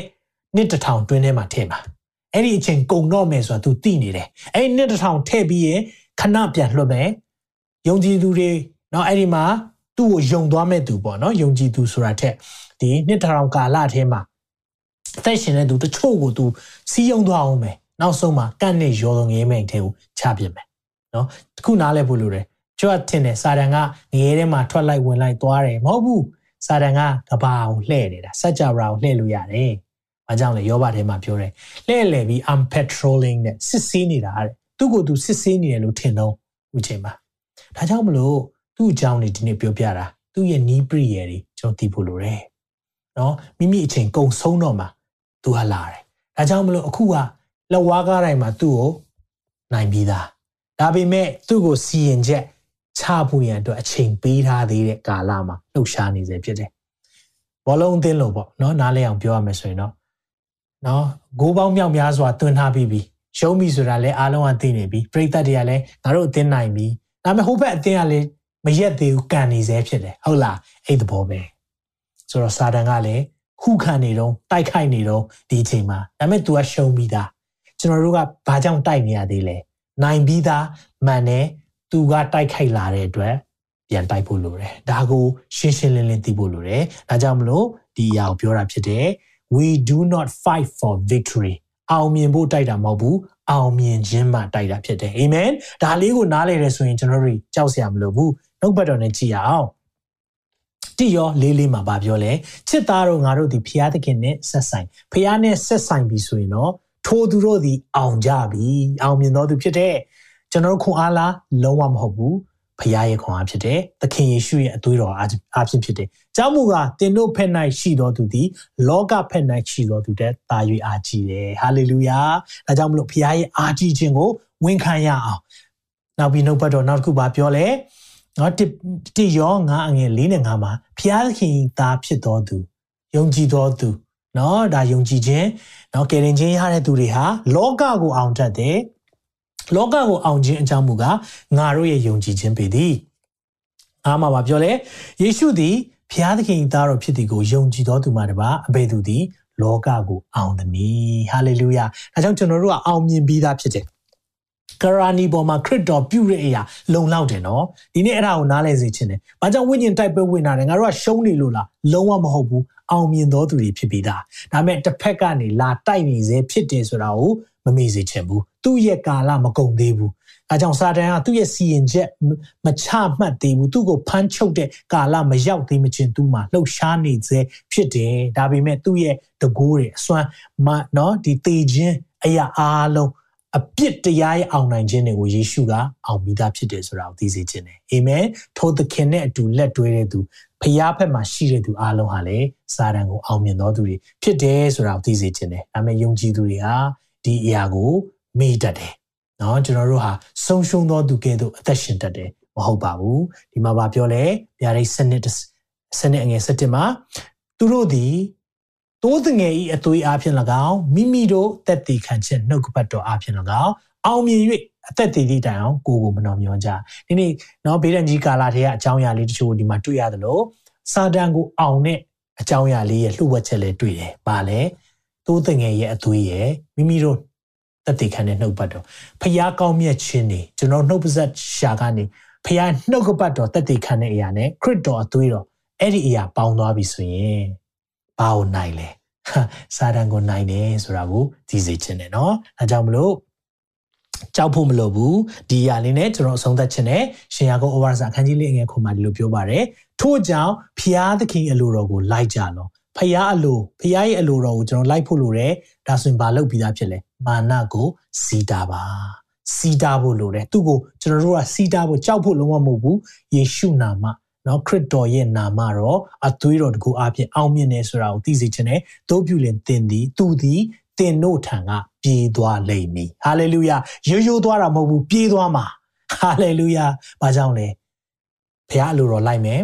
ဖခင်အလိုတော်ထဲမှာရှိဖို့လိုတယ်နော်အဲ့ဒါတော့ယုံကြည်သူများသိဖို့လိုတယ်ဖခင်အလိုတော်ထဲမှာကိုရှိနေပြီးတော့မာနကိုစီးတားရဲဆိုရင်သူတင်တို့ထာနေ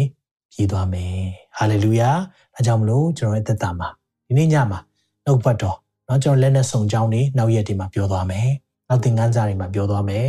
အဲ့ဒီအချိန်မှာသစ္စာတည်သောကပန်းတစ်ခုချင်းကျွန်တော်ရှင်းပြပေးခြင်းနဲ့နော်လက်နဲ့9မျိုးရှိတယ်တချို့က6မျိုးတွေ့လိမ့်မယ်နောက်တစ်မျိုးလှုပ်ဝက်လက်နဲ့လည်းရှိတယ်9မျိုးရှိတယ်ဆိုတော့သိစေခြင်းနဲ့ဒီအရာနဲ့ကျွန်တော်တွေဆက်လက်လေ့လာရအောင်အဲကြောင့်မလို့ကျွန်တော်သတိပေးချက်5ခုနဲ့အဆုံးသတ်ခြင်းနဲ့ဒီညမှာဒီရဲ့သတိပေးချက်5ခုကပါလဲဆိုတော့မမေ့အပ်တဲ့ချက်5ချက်ဒီမမေ့နဲ့နော်မတ်တဲ့စာတန်ဟာအရှုံးသမားဖြစ်တယ်လုံးဝမမေ့နဲ့ စာတန်ဟာအရှုံးသမားဖြစ်ပြီးသားဒါပေမဲ့မပေါ်နဲ့အဲ့ဒါကိုသိစေခြင်းနဲ့နော်ဒါကိုသိစေခြင်းနဲ့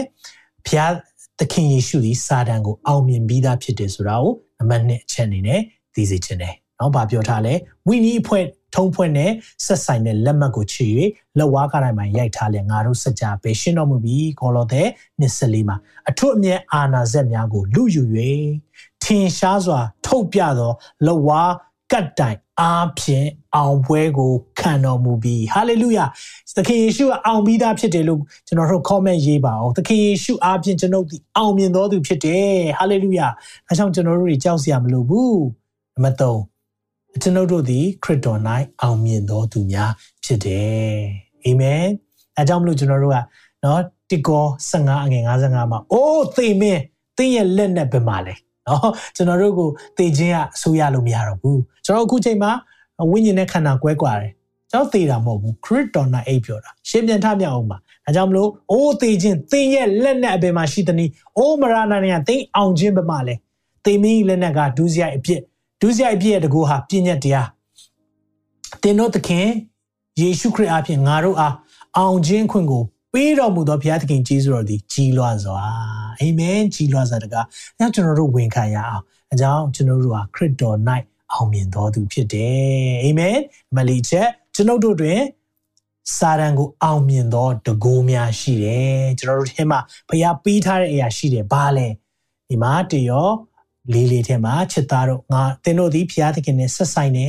ထိုးသူတို့သည်လည်းအောင်ကြပြီအကြောင်းမူကား သင်တို့ဖက်၌ရှိတော်သူဟာလောကဖက်မှာရှိတော်သူထက်တိုင်ရာကြီးတယ်။ဒါကြောင့်သင်မှာအောင်မြင်တဲ့တကိုးရှိတယ်။ဘသူကြောင့်လဲ။ယေရှုခရစ်တော်သင်နဲ့ရှိဖို့ရှိတာဖြစ်တယ်။ဒါပေမဲ့ကျွန်တော်တို့တွေတစ်ခါလေရရင်ဘယ်လိုသုံးတတ်လဲ။ Hey ငါတို့ဖက်မှာမနေနဲ့နော်။ငါတို့တစ်ဖက်မှာနေရင်ဖခင်နင်တို့ကိုရိုက်မယ်။မဟုတ်ဘူး။ဟိုးဖွဲ့ကလည်းပြောတယ်ငါတို့ဖက်မှာမနေနဲ့နော်။နင်တို့ငါတို့တစ်ဖက်မှာနေဖခင်ရိုက်မယ်။မဟုတ်ဘူး။သင်ကဖျားဖက်မှာနေဖို့လိုတယ်အာမင်ပြန်ပြောမယ်နော်ဖျားကသင်ဖက်မှာနေဖို့ဆွဲခေါ်တာတဲ့သ င်ကဖျားဖက်မှာနေဖို့လိုတယ်အဲကြောင့်ဖျားဖက်မှာအားလုံးကနေတယ်ဆိုအားလုံးက no problem ပြဿနာမရှိတော့ဘူးဒါပေမဲ့ကျွန်တော်တို့ယုံကြည်သူတွေကအဖွဲဖွဲပြီးတော့ငါတို့ဖက်မှာနေတဲ့သူတွေငါတို့ဖက်မှာနေတဲ့သူတွေငါတို့တစ်ဖက်မှာဘယ်သူနေနိုင်မလဲဖျားကိုကိုယ်တည်းဆွဲထည့်တာဖျားကိုကိုယ်တည်းဆွဲထည့်တာတဲ့ဖျားဖက်မှာကိုဆွဲနေဖို့လိုတယ်ဆိုတော့ဒီနေ့ပြောပြချင်တယ်အာမင်ကဲနောက်ဆုံးချက်ဒါကတော့ ဘုရားသခင်ရဲ့လက်နက်စုံများကိုအမြဲဝစ်ဆင်ထားဖို့လိုတယ်။ဘာလဲလက်နက်စုံတွေကျွန်တော်တို့သစ္စာတည်သောကပ္ပံဖြောင်းမှခြင်းပါရမီတည်သောယုံစာဧဝံဂေလိခြေစွမာနပြခတ်သောမိဆက်လက်နက်ကိုကတန်တဲ့ယုံကြည်ခြင်းတည်သောဒိုင်းလွှာယုံကြည်ခြင်းဒိုင်းလွှာကင်ဖို့လိုတယ်။ကဲတင်ခြင်းတန်ခမောက်ဘုရားသခင်နှုတ်ပတ်တော်တည်ဝင်ဒါပြီးရဲ့နောက်တစ်ခုတော့နောက်ကြမှာပဲပြောပြမယ်เนาะဒါတွေကို A-bet 6အဲကြောင့်မလို့ A-bet 6အငယ်30ကနေ18တိ ဖြစ်နိုင်ရင်အလွတ်ကျမစေခြင်းနဲ့အိမ်စားအနေနဲ့ဒီအရာကိုပေးခြင်းနဲ့ဆိုတာကိုပြောပြခြင်းနဲ့ဒါကြောင့်မိတ်ဆွေကိုဒီနေ့မှာဖျားသိချစ်တာဖျားသိချစ်တဲ့အခါမှာအောင်မြင်တော်သူတွေဘာကြောင့်အောင်မြင်လဲဆိုတာလေသိစေချင်တာစုံစမ်းခြင်းခံရလို့စိတ်မပြတ်နဲ့တင့်မှာအောင်မြင်ခြင်းအခွင့်အာဏာနဲ့တကူရှိပြီးသားဖြစ်တယ်အာမင်ဒါပေမဲ့ယန်သူကိုတင့်ရဲ့ဇာတိခွန်အားနဲ့တော့လုံးဝမကြိုးစားနဲ့လုံးဝမနိုင်ဘူးဘာနဲ့ပဲသွားရမလဲ ခရစ်တော်ရဲ့ခွန်အားနဲ့ပဲသွားမယ်ဟာလေလုယာဆုတောင်းပေးခြင်းပါတယ်ဘုရားရှင်ကိုရောယေရှုတင်ပါ၏ဒီနေ့မှာကျွန်တော်တို့ကိုလမ်းပြရဲကြွေးကြတယ်ရောရဲ့နှုတ်ပတ်တော်ဝင်ငါခွင့်ရတယ်ဒီအထူးသဖြင့်ဝိညာဉ်စစ်ပွဲအကြောင်း spiritual warfare နဲ့ပတ်သက်ပြီးတော့ယန်သူကိုဒီနေ့မှာ expose ပေါ်ထုတ်ပါတယ်ဒီယန်သူကိုကြောက်ဖို့မဟုတ်ဘူးဘုရားရဲ့ပါရှိခြင်းနဲ့လမ်းပြခြင်းရှိနေလို့ယေရှုတင်တယ်ကိုရောဆက်လက်ကြွေးကြပေးပါ ဒီနေ့နှုတ်ပတ်တော်ခံယူကြတဲ့သားသမီးအကြီးဆုံးမှအငယ်ဆုံးတိုင်းပေါ်မှာဖခင်ရဲ့ကွယ်ကာခြင်းကိုကြီးညာတယ်ခရစ်တော်ရဲ့အသွေးတော်တကူရဲ့ဆွမ်းအားတကူအားလုံးကိုဒီနေ့မှာကြီးညာသလိုခရစ်တော်ကိုအသက်ရှင်ခြင်းကိုပြန်လည်ဖြစ်စေတယ်တကူတော်ဖြစ်တဲ့တန်ရှင်းသောဝိညာဉ်တော်လည်းကျွန်တော်အထင်းမှာရှိတဲ့အတွက်ယေရှုတင်တယ်။ဘာလို့ဒီအားလုံးကိုကျွန်တော်တို့ဒီနေ့မှာ activate အားလုံးကိုဖော်ထုတ်ပါတယ်။ဘုရောလမ်းပြပါတယောက်ချင်းစီရဲ့နှလုံးသားမှာဖခင်ရဲ့ တကူအားဖြင့်မာနကိုအောင်မြင်ကြောင်းနားလည်သိရှိပြီးတော့အသက်ရှင်သောသားသမီးများဖြစ်စီပါရေသင်ခန်းစာ series မှာလည်းကိုရောရဲ့ပါရှိခြင်းနဲ့လမ်းပြခြင်းကိုကြီးညာတယ်ဒီချိန်မှာ online မှာ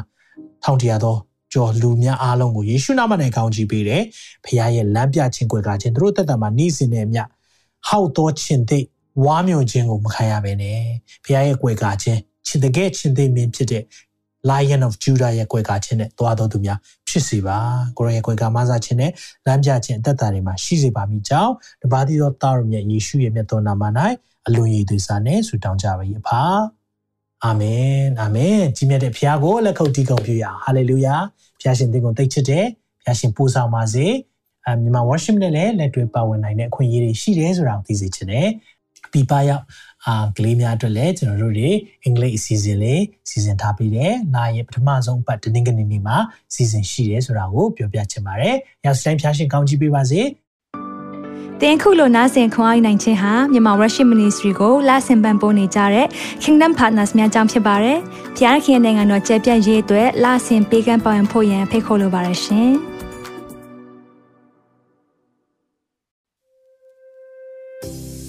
ခုကြားနာခဲ့ရတဲ့နှုတ်ပတ်တော်အဖြစ်ခွန်အားရရှိမယ်လို့ယုံကြည်မျှော်လင့်ပါတယ်။ခွန်အားရဆိုလို့ရှိရင်ဒီတစ်ပတ်နဲ့ပြန်လည်ဝင်မြပေးဖို့ရန်တောင်းဆိုပါရစေ။မြန်မာ Worship Ministry ရဲ့ website myanmarworship.com ကိုလည်းလာရောက်လေ့လာဖို့ရန်တက်ဖိတ်ခေါ်ချင်ပါတယ်။တချိန်ထဲမှာမြန်မာ Worship Ministry ရဲ့ social media platform များဖြစ်တဲ့မြန်မာ Worship YouTube Channel, မြန်မာ Worship Facebook Page နဲ့မြန်မာ Worship Instagram များကိုလည်းလာရောက်လေ့လာဖို့ရန်အတွက်ဖိတ်ခေါ်ချင်ပါတယ်။နောက်တစ်ချိန်မှာပြန်လည်ဆုံတွေ့ကြပါစို့။ဖျားရှင်ကောင်းကြီးပေးပါစေ။